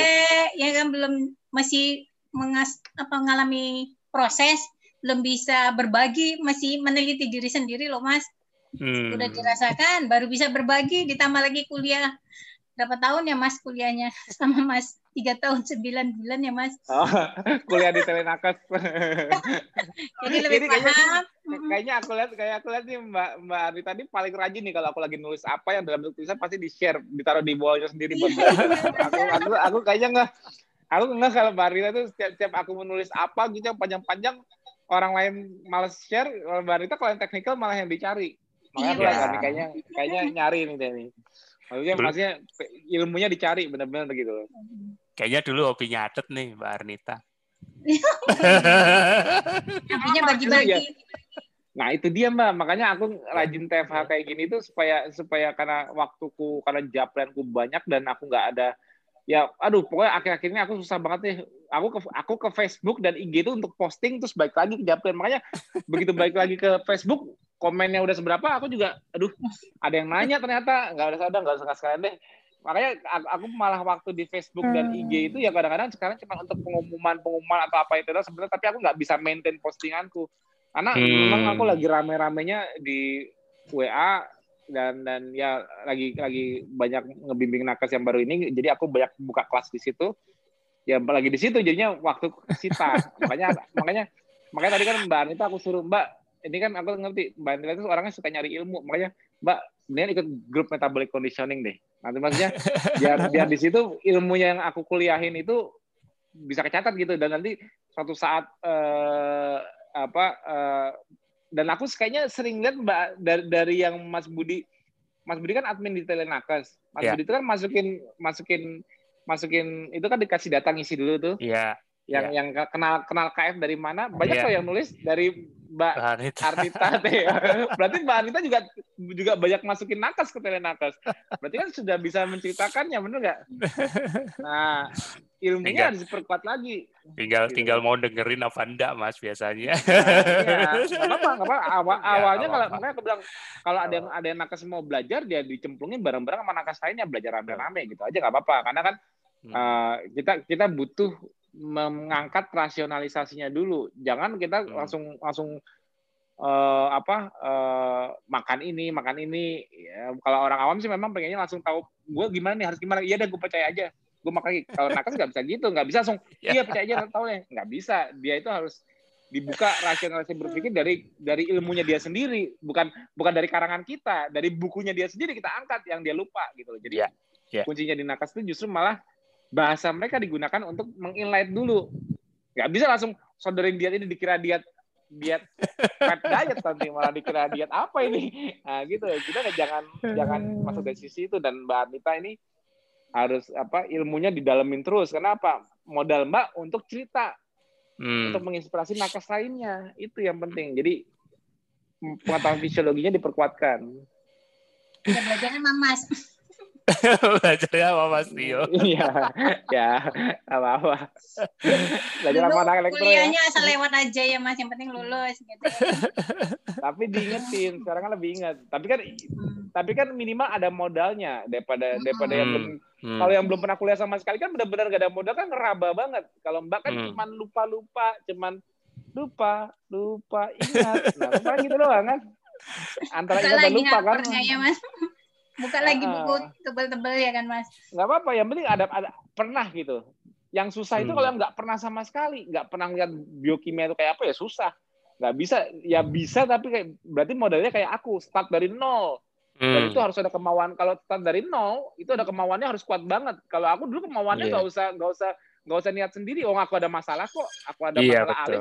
Itu betul. udah motivasi terkuat walaupun aku dari nol bisa sampai kayak gini karena aku punya motivasi terkuat orang lain belum tentu punya motivasi motivasi untuk mau belajar dari nol kayak aku karena motivasi paling ya gue diabetes masih bisa minum obat kok. Hmm. Ngapain belajar yang susah-susah? Asal minum obat gula gue terjaga, ngapain gue belajar biokimia apa-apa? Nggak bisa. Coba anaknya dia sakit. Coba Langsung. anaknya dia sakit, nggak ada jawabannya. Bahkan nyari dokter sampai ujung dunia, nyari ilmu untuk supaya nyembuhin anaknya. Jadi motivasi terkuatku dulu Alif. Kenapa aku belajarnya sampai sampai sampai tahunya sedalam ini? Tapi untuk membuat orang dari nol belajar seperti itu kan nggak mungkin. Nggak semua orang tertrigger untuk hmm. untuk belajar seperti itu kan. Betul. Apalagi kalau contoh gini, kalau misalnya dulu aku mau bilang zalik, contohnya aku dulu misalnya aku sakit diabetes deh. Alif hmm. Alif sehat, aku diabetes. Bohong kalau aku aku sampai kayak gini sekarang enggak.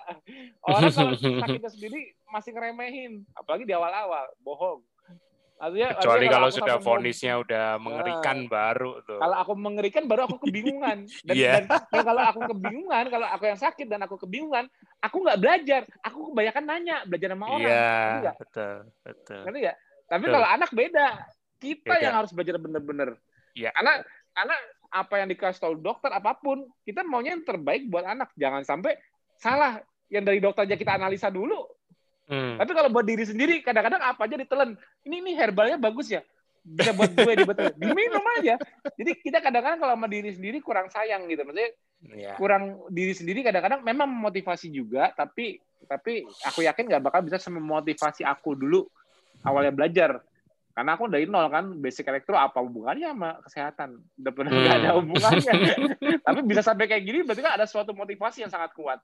Hmm. Itu susah diduplikasi di orang awam. Tapi kalau hmm. di nakes mudah diduplikasi saat nakesnya misalnya punya masalah, katanya dia dia sendiri ada masalah kesehatan, atau memang dia terenlight oleh pengetahuannya. Artinya ya. gini, gue sehat nggak ada apa-apa, tapi fisiologi masuk semua nih. Nah itu hmm. lebih hebat lagi. Betul. Tapi tapi tapi untuk mereka untuk terenlight gitu kan jaraknya kan udah pendek. Artinya apa? Ini ilmu gue kayaknya diangkat lagi yang dulu. Ini kan pelajaran gue dulu. Nah lebih cepet.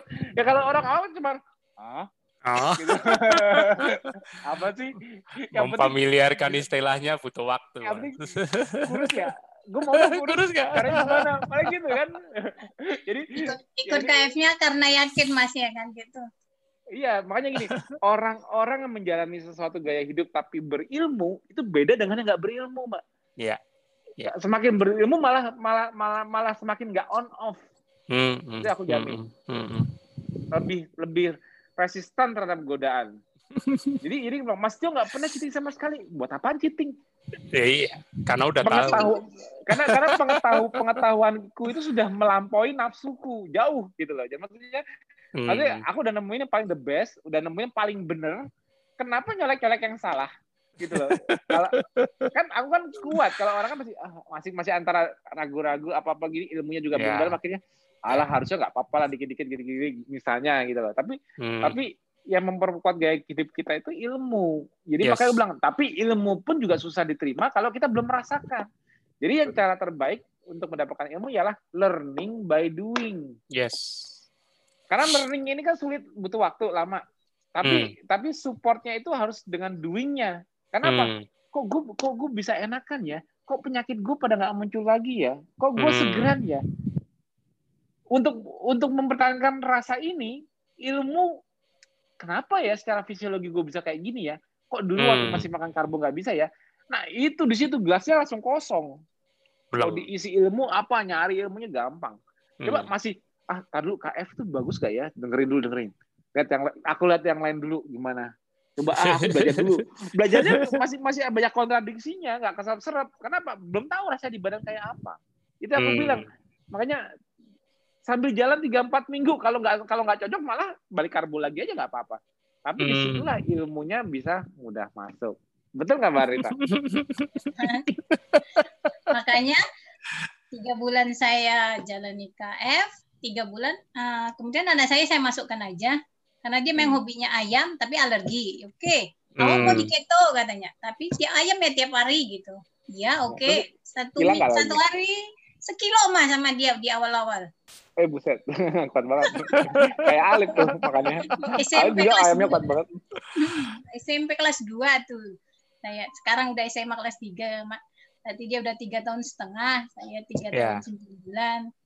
Alerginya hilang, bersih kulitnya. Habis itu di di SMP kelas 2 itu kan dia mulai masa-masa pubertas dulu ya mas yang hmm. biasalah kok cowok yang bau acem lah yang ini hmm, ya kan hmm, hmm. Apa? dengan keto malah bau asem bau asem oh, oh, oh aku dengar kacem jadi malah nggak kayak nyengat kayak yang lain-lain gitu loh mas melewati yeah. masa pubertasnya itu lebih iya emang betul gitu. uh-uh. iya karena karena karena karena karena pubertas itu ialah proses anabolik ya, hmm. ya, karena dia grow jadi semua semua hormonnya meningkat jadi kayak dia grow ya posisi dia grow tapi hmm. karena nggak pakai glukosa grow-nya juga juga sesuai demand tidak berlebihan jadi tidak yeah. tidak sampai menyengat jerawatan hmm. tidak sampai hmm. bikin terlalu asam jadi dan dan dan mungkin juga dari behavior kalau mbak perhatikan behaviornya pubertas itu kan kadang-kadang kan jadi excitatory jadi mm-hmm. pada saat kita pada saat kita sifat sifat excitatory ini di sistem saraf juga bikin kita kayak kayak meledak-ledak kayak apa sih mungkin lawan orang tua atau apa apa apa nah ini di masa pubertas transisi ini di mana di mana hormonnya lagi meningkat ini karena karena karena sifat sumber energinya dibikin tetap demand driven hmm.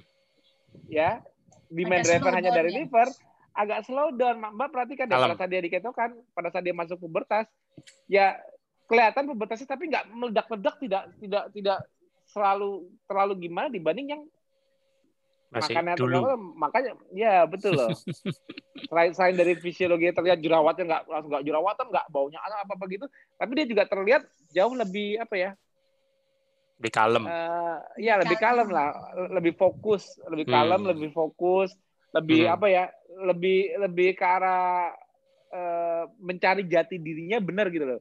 Yang kita takutkan kan di anak-anak puber ini kalau kita tahu kita punya anak terus anak kita masih puber kita tahu kan anak puber itu kan posisinya kan oh, manusia itu di pubertas kan ialah mencari lingkungan yang menerima mereka. Mereka tuh belum punya jati diri. Ini gue loh. Ya kayak aku hmm. nih. Aku kan udah lewat puber ya kayak aku iya, di depan di, di, di, di depan maksudnya gini aku tuh aku tuh jati dirinya udah kebentuk kedewasanku ya seperti ini. Mau aku dibilang sama orang lain kayak gini-gini bodo amat. Maksudnya tuh kalau ngomong kadang-kadang kalau lagi ilmunya keluar eksplosif banget ya biar aja tuh gua.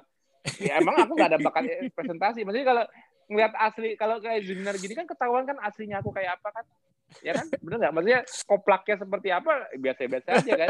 Maksudnya maksudnya tuh aku tuh udah punya jati diri. Tidak aku yeah. tidak butuh diterima di lingkungan mana pun hmm. kalau lu mau terima gue ya gue gini apa adanya bodo amat pemikiran gimana kan gue nggak nggak hmm. nggak itu lo juga jadi jati diriku udah kuat aku nggak nggak aku nggak mudah dipengaruhi siapa pun dalam lingkungan apa pun karena hmm. aku punya sistem decision yang kuat itu yeah. namanya jati diri nah yeah.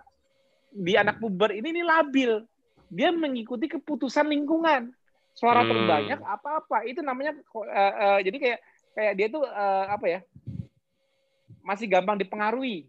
Hmm. Nah itu itu resiko tertinggi itu resiko tertinggi pada saat kita punya anak puber. Kenapa? Kalau dia posisinya di saat itu dia meledak-ledak, dia bisa ngikutin jalur yang salah. Hmm. Contoh nauzubillah zalik ya, nauzubillah zalik.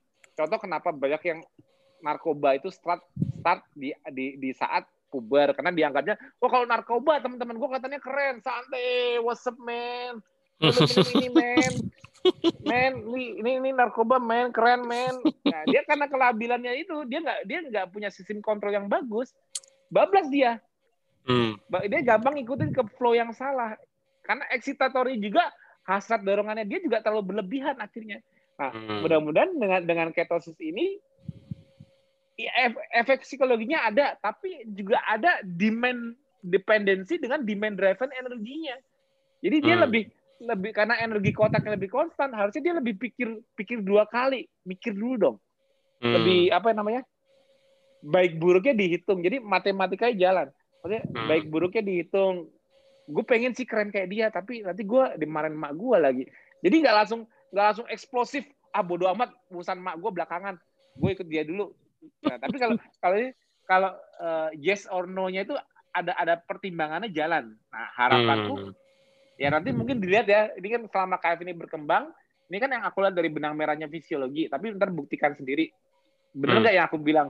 Kalau anak-anak yang puber walaupun dia dalam pubertasnya terpengaruh lingkungan, tapi dia bisa nggak punya punya punya sistem kontrol nggak?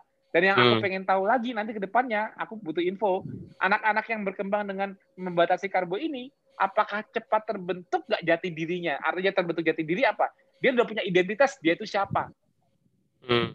Dia dia itu di di suatu lingkungan dia itu someone, bukan bukan uh, part of the crowd. Dia bisa jadi someone. Gue beda, hmm. gue someone, gue punya decision. Lihat deh, dia bisa gak kayak gitu? Hmm. Maksudnya, maksudnya cara untuk leadership. Jadi jadi mudah nggak untuk seorang yang KF menjadi seorang leader, leadership? Maksudnya kalau leader itu kan dia memberi pengaruh, bukan dia dipengaruhi gitu loh. Nanti nggak? Hmm. Nah itu, ya itu terlihat dari anaknya ya, yang udah diikutin KF. Aku malah disebut infonya kan kalau Alif kan masih kecil. Dan Alif kan ada masalah CP. Tapi aku hmm. pengen tahu kayak Mbak Arnita gini yang lihat progresnya anaknya dari mulai SMP, SMA, nanti aku dikasih info. Gimana kok kontrol psikologinya dia dengan energi konsen kontak itu kontrol supaya tidak tidak tidak eksplosif gimana kecepatan hmm. membentuk identitas dirinya itu bagaimana nantinya itu kayak gitu hmm. jadi jadi jadi kayak kita tahu sendiri resiko anak sekarang yang yang gampang kepengaruh lingkungan karena cara dia mencari jati dirinya dia ialah melihat lingkungannya dan dia sifatnya masih eksplosif masih hmm. masih nggak nggak nggak mikir banyak gitu hmm. sarafnya terlalu excitatory gitu loh nggak ada hmm. inhibisinya gitu loh hmm. Hmm. gaba gini nih benang merahnya gabanya kurang gitu ya kebanyakan glutamatnya jadi excitatory antar sinapsnya terlalu cepat nah yeah. Karena faktor hormonal juga saat dia grow nah itu yeah. ke, ke ketahan nggak aku pengen tahu gitu hampir lepas Sepertinya saya lihat sih Mas, kalau di rumah memang karena dia anak semata wayang ya di rumah manja tapi oh, di luar dewasa apa? gitu loh. Nah itu apalagi anak semata wayang. Oh, Alif Jangan ditanya. Iya Mas, sekalian Mas Alif apa selamat ulang tahun ya Mas. Oh iya, Mas. Alif ada bobo. Iya, ulang tahun kami sama loh Mas. Sama Alif ya 29 29 juga. Iya, 29 September sama Mas. Wow. Sama siapa? Sama Mbak. Sama Alif, sama-sama. Sama ulang anak, tahunnya. Anak Mbak. Enggak ah, iya. sama Mbak Anita. Oh, Mbak Anita. Oh iya, juga kalau gitu. Oh, udah kecatat tuh, Mbak. Berarti kan kuenya bareng-bareng. Mas Tio, ini ada pertanyaan seputar ini uh, yang sering ditanyakan. Orang punya persepsi supaya tidurnya mudah. Ini kan kaitannya sama PNS tadi ya, sama SNS. Supaya ya. tidurnya mudah, salah satu caranya juga orang yang sering tahu membuat badan capek. Tapi eh, ini kayak sedikit kontra dengan misalnya kan eh, dengan kita mendominankan SNS lewat olahraga itu kan otomatis demand energinya tinggi. Ya. Nah, jadi ada dua ada dua kemungkinan nih antara memang capek terus tidur atau malah tambah melek. Gimana tuh mas? Kalau kalau di siang hari tambah melek. Aku justru Nggak, ini, ini ini tujuannya supaya mau bisa tidur malam jadi kadang-kadang dibikin capek dulu gitu Oh, capek nah. di saat ah. parasimpatetik dominan benar bisa membuat dia karena dia dia memang memang memang uh, uh, kontradiksi ya, tapi memang dibikin hmm. letihnya itu kayak gini. Nah, tapi tapi kalau di kondisi kita ketosis ada yang malah kalau kita diseger banget ya, kayak seger gitu ya, olahraga sore agak terlalu malam seger. Namanya habis olahraga kan pasti seger dong. Iya, nah, itu betul. jadi masuk melatoninnya lagi agak lambat. Ya, nah, jadi kalau itu. seger yang paling cocok itu segernya dari dari pagi, siang, sore lah sebelum sebelum malam. Kalau terlalu malam olahraganya kayaknya nggak bagus juga karena harusnya kan udah udah masukin dia resting. Maksudnya sistem syaratnya tuh udah mendukung dia untuk rest Nah, iya. Dan digest lah. Itu. Digesting dan resting, bukan untuk bukan untuk masih fight or flight lagi. Itu itu ritmenya seperti karena udah gelap kan, maksudnya udah udah. Jadi yang benar harusnya capeknya itu harus dari awal, bukan karena dibuat capek ya. Bukan Kayaknya dibuat kan, capek. Iya. Itu, itu itu berarti dia kompensasi dari sedentarinya dia di siang hari yang harusnya SNS yes. dukung. Itu. Jangan gitu. Itu Beda. kata kuncinya. hmm, jangan buat jangan buat akal-akalan. Kita berusaha gimana gimana ada aktivitas fisik di zonanya SNS dominan, di zonanya kortisol yeah. dominan. Jadi gini, nambahin sedikit aja, aku nggak bakal panjang-panjang lagi. Nambahin sedikit. Tadi kan tadi kan tahu tahu dari mana itu itu, itu kok kortisol itu kok bisa kortisol itu kok bisa punya punya circadian seperti itu Mas bisa pagi naik Uh-uh. Terus jam 9.10 puncaknya terus turun jam 3, yeah, yeah. terus melatonin bisa melatonin gantian naik, terus nanti pagi hari melatonin melatonin. Itu yang ngatur itu siapa? Hipota kan aku bilang tadi HPA axis. Nah, HPA Axis infonya dari mana?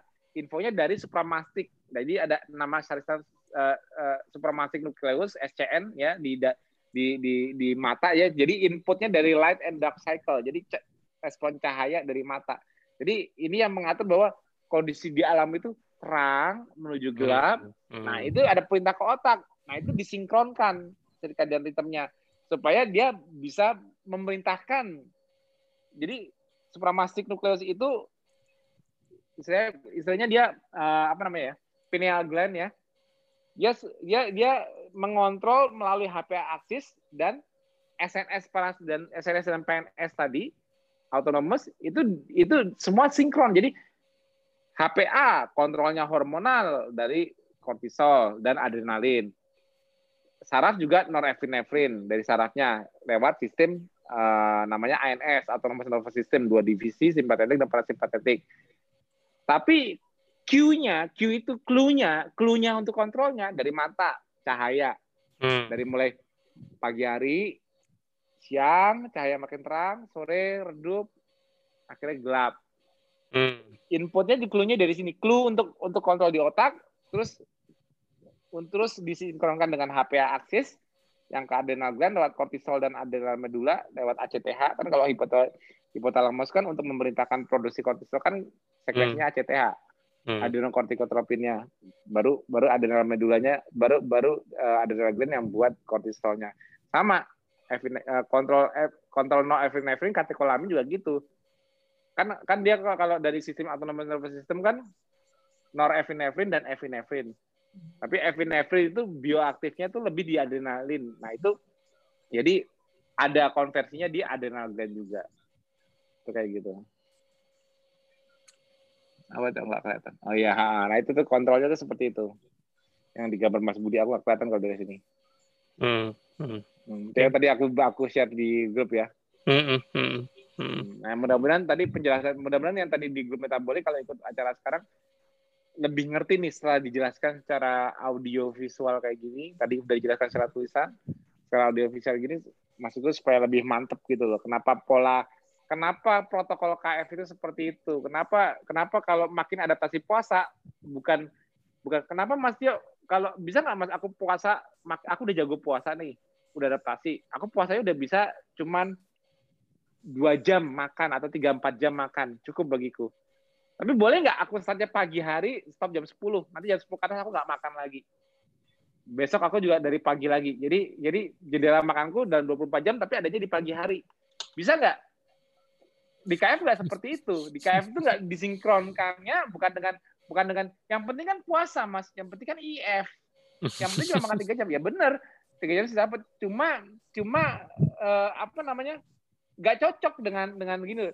Kalau kalau tubuh kita di trigger makanan di jendela makan tertentu dan kita kenyang di situ, Ya, ya udah. Kalau kalau kalau kamu habis makan pagi itu tidur sih nggak apa-apa. Berarti kamu nggak ada kerjaan. Iya. Dan mungkin kamu kerjanya mungkin malam. Ya itu nggak apa-apa. Iya. Karena kamu aku saat malam misalnya atau kerja malam si poker. Ya itu benar kalau kayak gitu benar. Makanya di jam pagi karena dia harus kerjanya malam. No ya. worry. Tapi ah. kalau kalau kalau kalau kalau dia kerjanya seperti orang normal tapi dia karena pengen sarapan aja nggak masuk akal malah kalau aku bilang. Hmm. Desain KF itu kan desainnya berdasarkan fisiologi, bukan desain aku atas asal ah aku bikin jam berapa ya? Enaknya IF buat para warrior ya. Bukan nebak-nebakan gitu. Enak kalau emangnya aku bikin protokolnya cuma sekarang.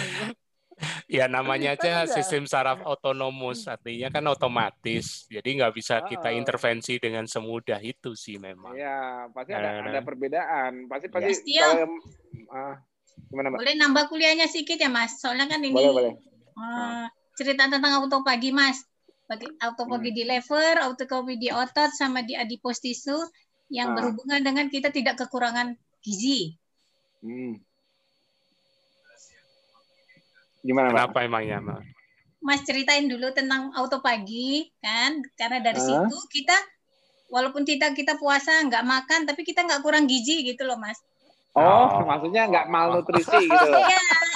ya, Karena kan banyak ya. di masyarakat gitu nggak makan berarti kurang gizi nanti gitu. Lima menit ya mas. ini intinya gini aja ini ini ini, ini gini aja gini biar biar, biar cepat aku kalau ngomong kayak gitu bisa ngelempet ke mana-mana nah kan bener kan ya kenapa kenapa kenapa kenapa kita itu dibilang kalau makan itu bukan makan tapi refill ya karena konsep karena konsep kita itu konsep energi kita itu terletak keseimbangannya bukan setelah makan jadi kalau kita kita dulu masih glikosentrik alias kita mengandalkan gula dominan tubuh kita, maka kita sebelum bergerak kita butuh gula dulu untuk sumber energinya. Tapi kalau kita sudah endosentrik, artinya kita bakar lemak, nah kita sifatnya sekarang refill. Jadi pada saat kita di jendela puasa, kan kita kan tetap menghasilkan gini loh, di untuk menjalankan fungsi tubuh kita, setiap sel di tubuh kita itu kan fungsinya kan secara biochemical. Jadi tubuh kita itu ialah mesin mesin kimia. Untuk untuk kita bisa ngomong, bisa ngomong, bisa melihat, bisa apa-apa. Ini merupakan rangkaian-rangkaian reaksi kimia. Ya kan? Walaupun walaupun saraf kita sistemnya pakai action potensial kayak listrik. Tapi tetap bahan baku bioenergetiknya ya reaksi kimia. Walaupun otot hmm. kita bergerak secara lokomotor mekanik. Tapi tapi prosesnya tetap reaksi kimia. Benar nggak sih? Rangkaian-rangkaian reaksi kimia di tubuh kita. Nah rangkaian-rangkaian reaksi kimia ini pathway pathway ini butuh proses katalisasi dari enzim-enzim di antara pathway pathway-nya jadi enzim-enzim di antara pathway pathway ini mengizinkan suatu suatu pathway bergerak ke depan. Suatu reaksi bergerak maju ke depan karena energi barriernya sudah diturunkan semua sehingga reaksinya ini maju ke depan jadi kontrolnya kontrolnya setiap sel di tubuh kita untuk berbagai reaksi di tubuh ialah kontrol enzimatik. Ya, itu cara membayangkannya. Nah, kontrol enzimatik, jadi kalau enzim ini diekspresikan diproduksi lebih banyak, otomatis enzim ini mengizinkan pathway ini terjadi karena enzim ini katalisnya di jalur tertentu. Misalnya, itu cara tubuh memberikan kontrol. Nah, untuk enzim ini diproduksi lebih banyak yang membuat pathway tadi itu berjalan, berarti ini mesti dibuat oleh ribosom sebagai mesinnya, mesin sintesisnya kan. Nah, ribosom untuk bisa membuat membuat enzim tersebut harus ada masternya, ada template dari RNA-nya, messenger RNA. Untuk messenger RNA ini bisa menjadikan contoh untuk membuat enzimnya dimaksud, dia harus lihat buku besarnya di DNA. Berarti RNA merupakan template kopian dari DNA. DNA nggak boleh terkonsum karena dia buku besarnya. Nah, DNA untuk untuk DNA untuk bisa di untuk bisa di copy template-nya berarti dia harus dibuka bukunya. Sisi lembar halamannya harus dibuka. Nah, ini koordinasi dari uh, ini agak lama lagi aku singkat aja. Proses meta, metilasi demetil, demetilasi asetilasi dan deasetilasi. Ini rumit. Jadi kalau pada saat terjadi metilasi pada saat pada saat terjadi perenggangan di histon di kromosomnya itu ada rangkaian dari DNA yang diizinkan atau malah kebalikan dihambat. Maksudnya dari dari dari template yang untuk membuat enzim tadi. Hmm, hmm. jadi DNA jadi jadi jadi untuk untuk inhibit, hambat, aktivasi. Nah, itulah peran dari cellular signaling. Cellular hmm. signaling merupakan proses kimia yang terjadi di dalam sel yang yang merupakan respon dari ekstraselular maupun respon dari intraselular sendiri. Ya. Respon dari ekstraselular contohnya insulin signaling. Insulin dari ekstraselular ada ada, ada insulin dari luar merintai. Maka jalur selular signalingnya ya PI3K, eh, AKT atau PKB pathway. Nanti hmm. signaling ini mengaktifkan jauh-jauh lain, misalnya mTOR-nya dinyalain, misalnya kayak gitu. Hmm. Sehingga mTOR-nya bisa menyalakan jalur-jalur lainnya. Jadi kayak ada ada ada cascade berbagai rangkaian yang membuat buku besar DNA bisa dibuka, bisa dipilih halaman yang mana ya, dicari halaman yang mana ya. Eh, nih, yang ngontrol cellular signaling. Hmm. Sehingga ini, sehingga, nah, yang ini yang mau gue buat Nah, ini bikin template-nya. Template-nya RNA. Kirim keluar.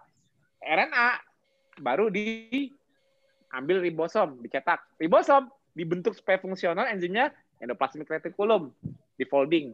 Habis di folding, butuh aktivasi lebih. Penambahan lipidasi, misalnya perlu tambahan penambahan unsur lipid di endoplasmic di smooth endoplasmic reticulum atau penambahan glycosylation misalnya di Golgi. Nah, itu itu itu suatu koordinasi suatu rangkaian hmm. kimia. Itu itu cara melihat sistem engineering itu sel di tubuh itu kayak gitu.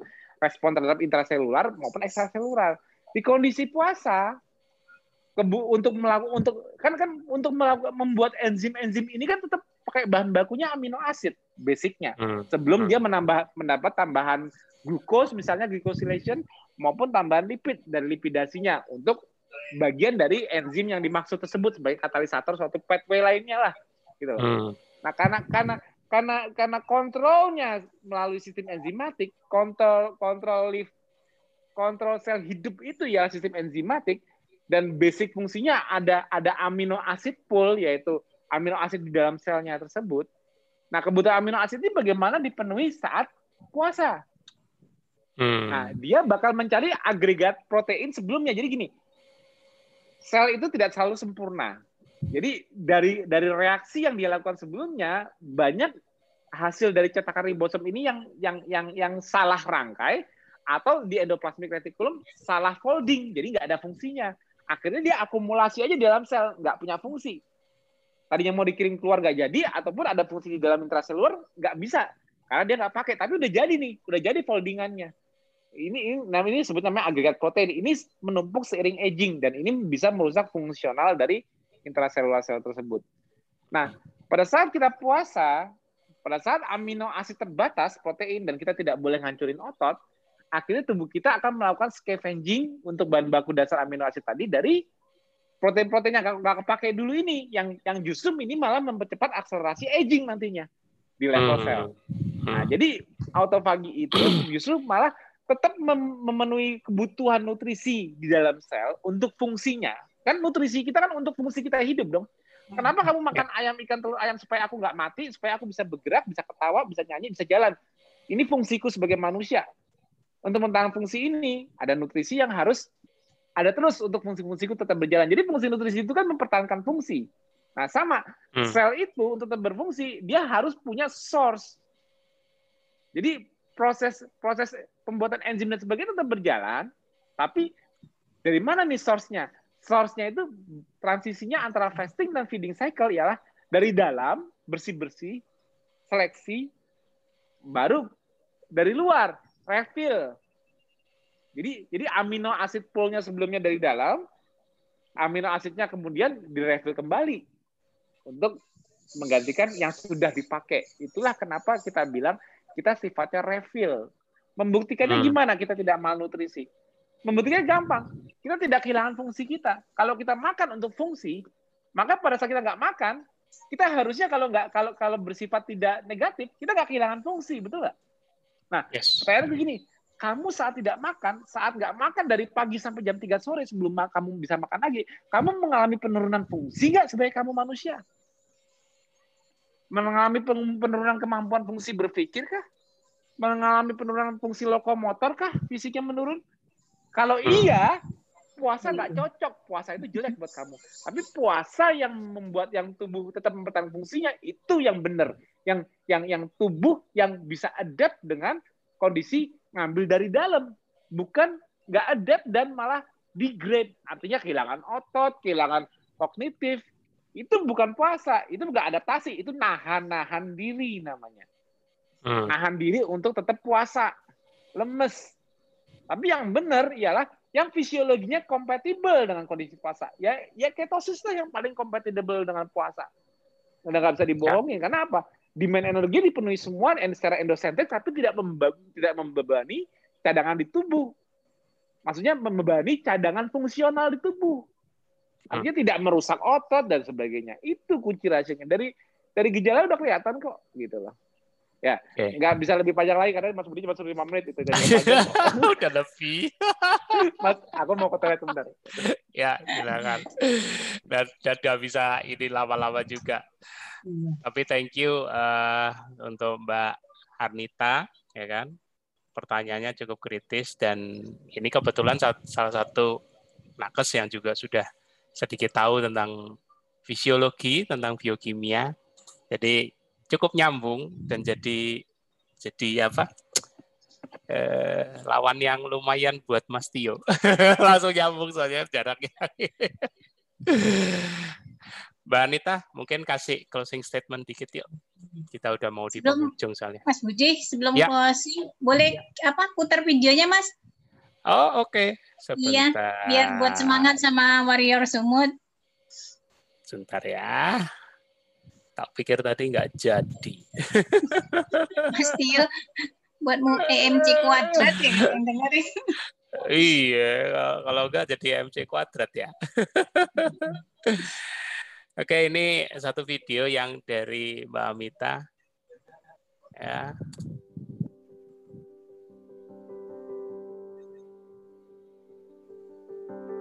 Ini kembaran Mas Tio nih di Medan.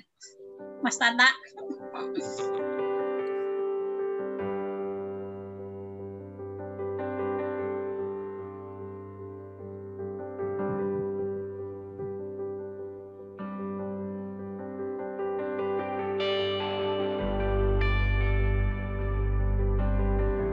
kegiatan para warrior KF Sumut. Semoga tetap semangat ya.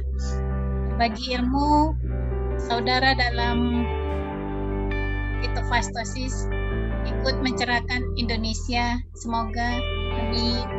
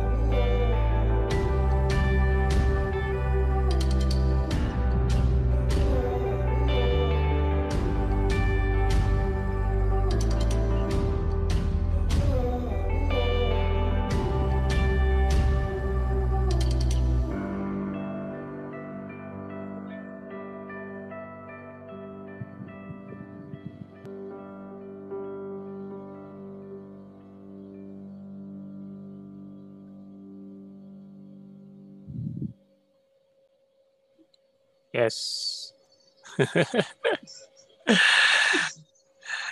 Bagus videonya, kompilasi. Iya, keren videonya. Nah, tuh Warrior. Warrior lain tuh tuh Mbak Uwi tuh, ayo di Jatim uh, bikin kayak di Medan tuh semangatnya. Pokoknya setiap setiap warrior dari berbagai seluruh penjuru Indonesia kembangkan komunitas di tiap-tiap daerahnya, perkuat uh, misalnya anti cheatingnya vendor-vendornya bermunculan karena kreativitasnya bisa ngakalin makal bermacam-macam. Ya karena pandemi ya ya susahnya memang nggak bisa ngumpul-ngumpul kopdar kayak dulu lagi ya.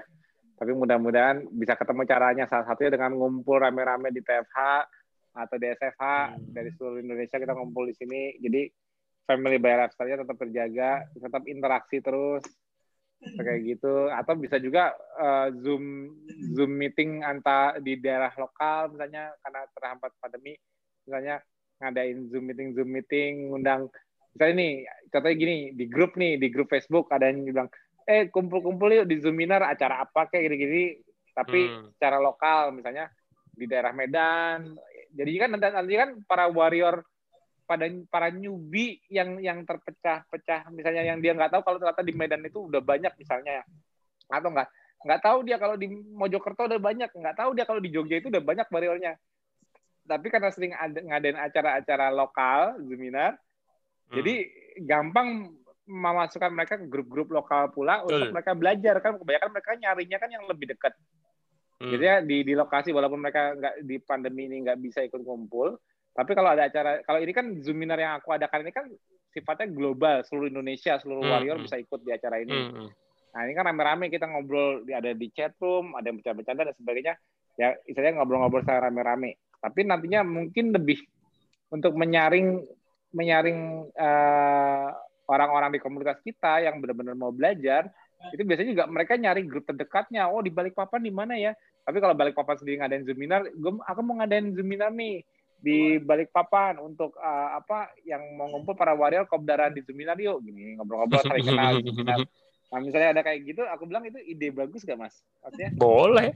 Sangat ya, oke. Okay. Di, di posting di Facebook juga untuk membuat ngeh yang pengen ya. tahu belajar lebih lanjut mungkin mungkin infonya secara global dia nggak ngerti pengen butuh khusus ini dia ada ada zona-zona di mana dia lebih gampang untuk misalnya akses untuk dia cari amunisi kah makanan keto kah anti cheatingnya atau untuk ilmu lebih lanjutnya kah bisa. tapi tapi tapi aku dan Mas Budi dari titik sentralnya tetap berusaha terus untuk supaya komunitas kita hidup selalu ada ya. interaksi ya. dengan cara TFA, ya. SFA dan bagi-bagi ilmu terus itu ya. itu dari dari sentralnya kita dari sentralnya KF tapi hmm. dari dari community KF kan berkembangnya kan nggak cuman dari pusat doang kan kan nggak semuanya kan mengandalkan uh, aku dan Mas Budi harus ya aktif di di setiap komunitas masing-masing. Kayak tadi contohnya tuh di Medan gitu ya. ya. Itu bisa ditiru. Tapi nanti mungkin di masa pandemi cocoknya itu ialah ketemu secara virtual seperti ini. Tapi mungkin diajak diajakin aja di Facebook siapa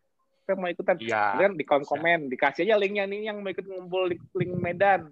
Yang mau ikut hmm. ngumpul ini jam sekian jam sekian. Atau bisa weekend pas gak ada TFA SFA pas lagi nggak sibuk nonton uh, program dari sentralnya KF nah, ya. itu mungkin bisa ini ini cuma ide dariku ya karena aku pikiran tadi ngeliat video itu itu itu bisa dicoba nanti untuk bisa. untuk mulai ramein lagi grup-grup daerahnya misal di mana Pekanbaru Lampung dan sebagainya ya bisa manfaatkan ya. Zoominar mm-hmm. Zoominar itu nggak nggak nggak itu kok jadi zoomnya ini bisa dipakai untuk teman-teman ya di mana pun ya, FIC ya. ataupun para nakes juga yang berinisiatif mau ah. mau saling berdiskusi secara lokal ya, boleh misalnya misalnya nanti misalnya nakes-nakes KF juga mau bikin misalnya gini kayak Mas Mas Piprim kan punya ide kan Indonesia uh, tim metabolic condition ini kan hmm. Indonesian lok apa Local Medical Society. Local Medical Society, aduh kok jadi lupa. Nah, nah bisa aja nanti Mas Piprim ngadain uh, mau pakai mau pakai Zoom hosting kita pakai aja nggak okay. gratis hmm. kok pakai aja kita kapasitas sampai seribu udah aku naikin tuh bisa dipakai. Hmm. Jadi hmm. untuk untuk ngumpulin siapa nih yang yang mau diskusi rame-rame lagi atau Mas Pipri bikin ya. bikin apa yang khusus nakes gitu loh dan sebagainya atau kita bikin uh, uh, talk show khusus nakes dan sebagainya itu bisa aja pakai aja gitu loh jangan Siap. jangan ragu pokoknya untuk kepentingan kepentingan komunitas mah pakai aja lah apa yang modalin pokoknya uh, kita dari sentral dari dari pusatnya aku dan Mas Budi kalau untuk IT-nya dukung untuk semua acara-acara kegiatan di masa pandemi ini supaya komunitas kita tetap jadi kalau apa ya kalau kita aktif interaksi terus, bagi-bagi sharing ilmu terus, diskusi kayak gini terus, ya, komunitas Allah, kita uh, jadi kuat, Mas. Ya, semangat semangat uh, kita untuk bertahan di lifestyle ini di lingkungan obesogenik sekitar kita di mana maka ada kita jadi makin lebih kuat karena makin kuat secara komunitas, makin kuat secara ilmu dan sebagainya, ya. gitu ya. Ya, tidak lagi disuruh baca dan ini tapi bisa dengar ya. sendiri gitu. Ya, dengar sendiri dan sebagainya. Ya, ya itu, itu, itu closingku deh, nanti pajak lagi. Oke, okay. thank you uh, semuanya. Thank you juga untuk Mbak Anita tadi closing berupa video, sungguh menginspirasi. Moga-moga teman-teman akan banyak uh, terinspirasi juga akan mengikuti jalur yang sama. Oke, teman-teman, terima kasih. Kita jumpa lagi nanti di sesi TFH berikutnya minggu depan, tapi jangan lupa hari Minggu ini kita ada SFH. Pastikan teman-teman ya. juga sudah ya pastikan teman-teman juga sudah register di link yang sudah dibagikan di grup WA ya WA1 dan WA2 tempat masih banyak jangan ragu ya. jangan sungkan ya, ya. pembicaranya juga lainnya. masih menarik ya jadi link-link pendaftaran grup peserta yang kedua masih dibuka itu di sharing ke grup-grup daerah mungkin grup-grup WA daerah atau apa kan banyak yang mungkin belum terekspos seminar KF secara lapangan dulunya.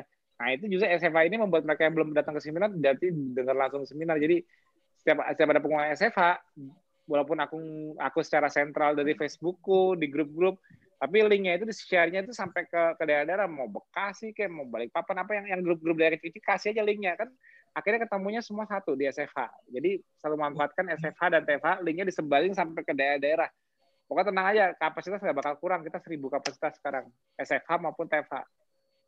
Oke, sip. Sudah udah statement final dari Mas Tio. Oke, teman-teman, terima kasih. Selamat malam. Ya, kita jumpa ya. lagi di TFH berikutnya.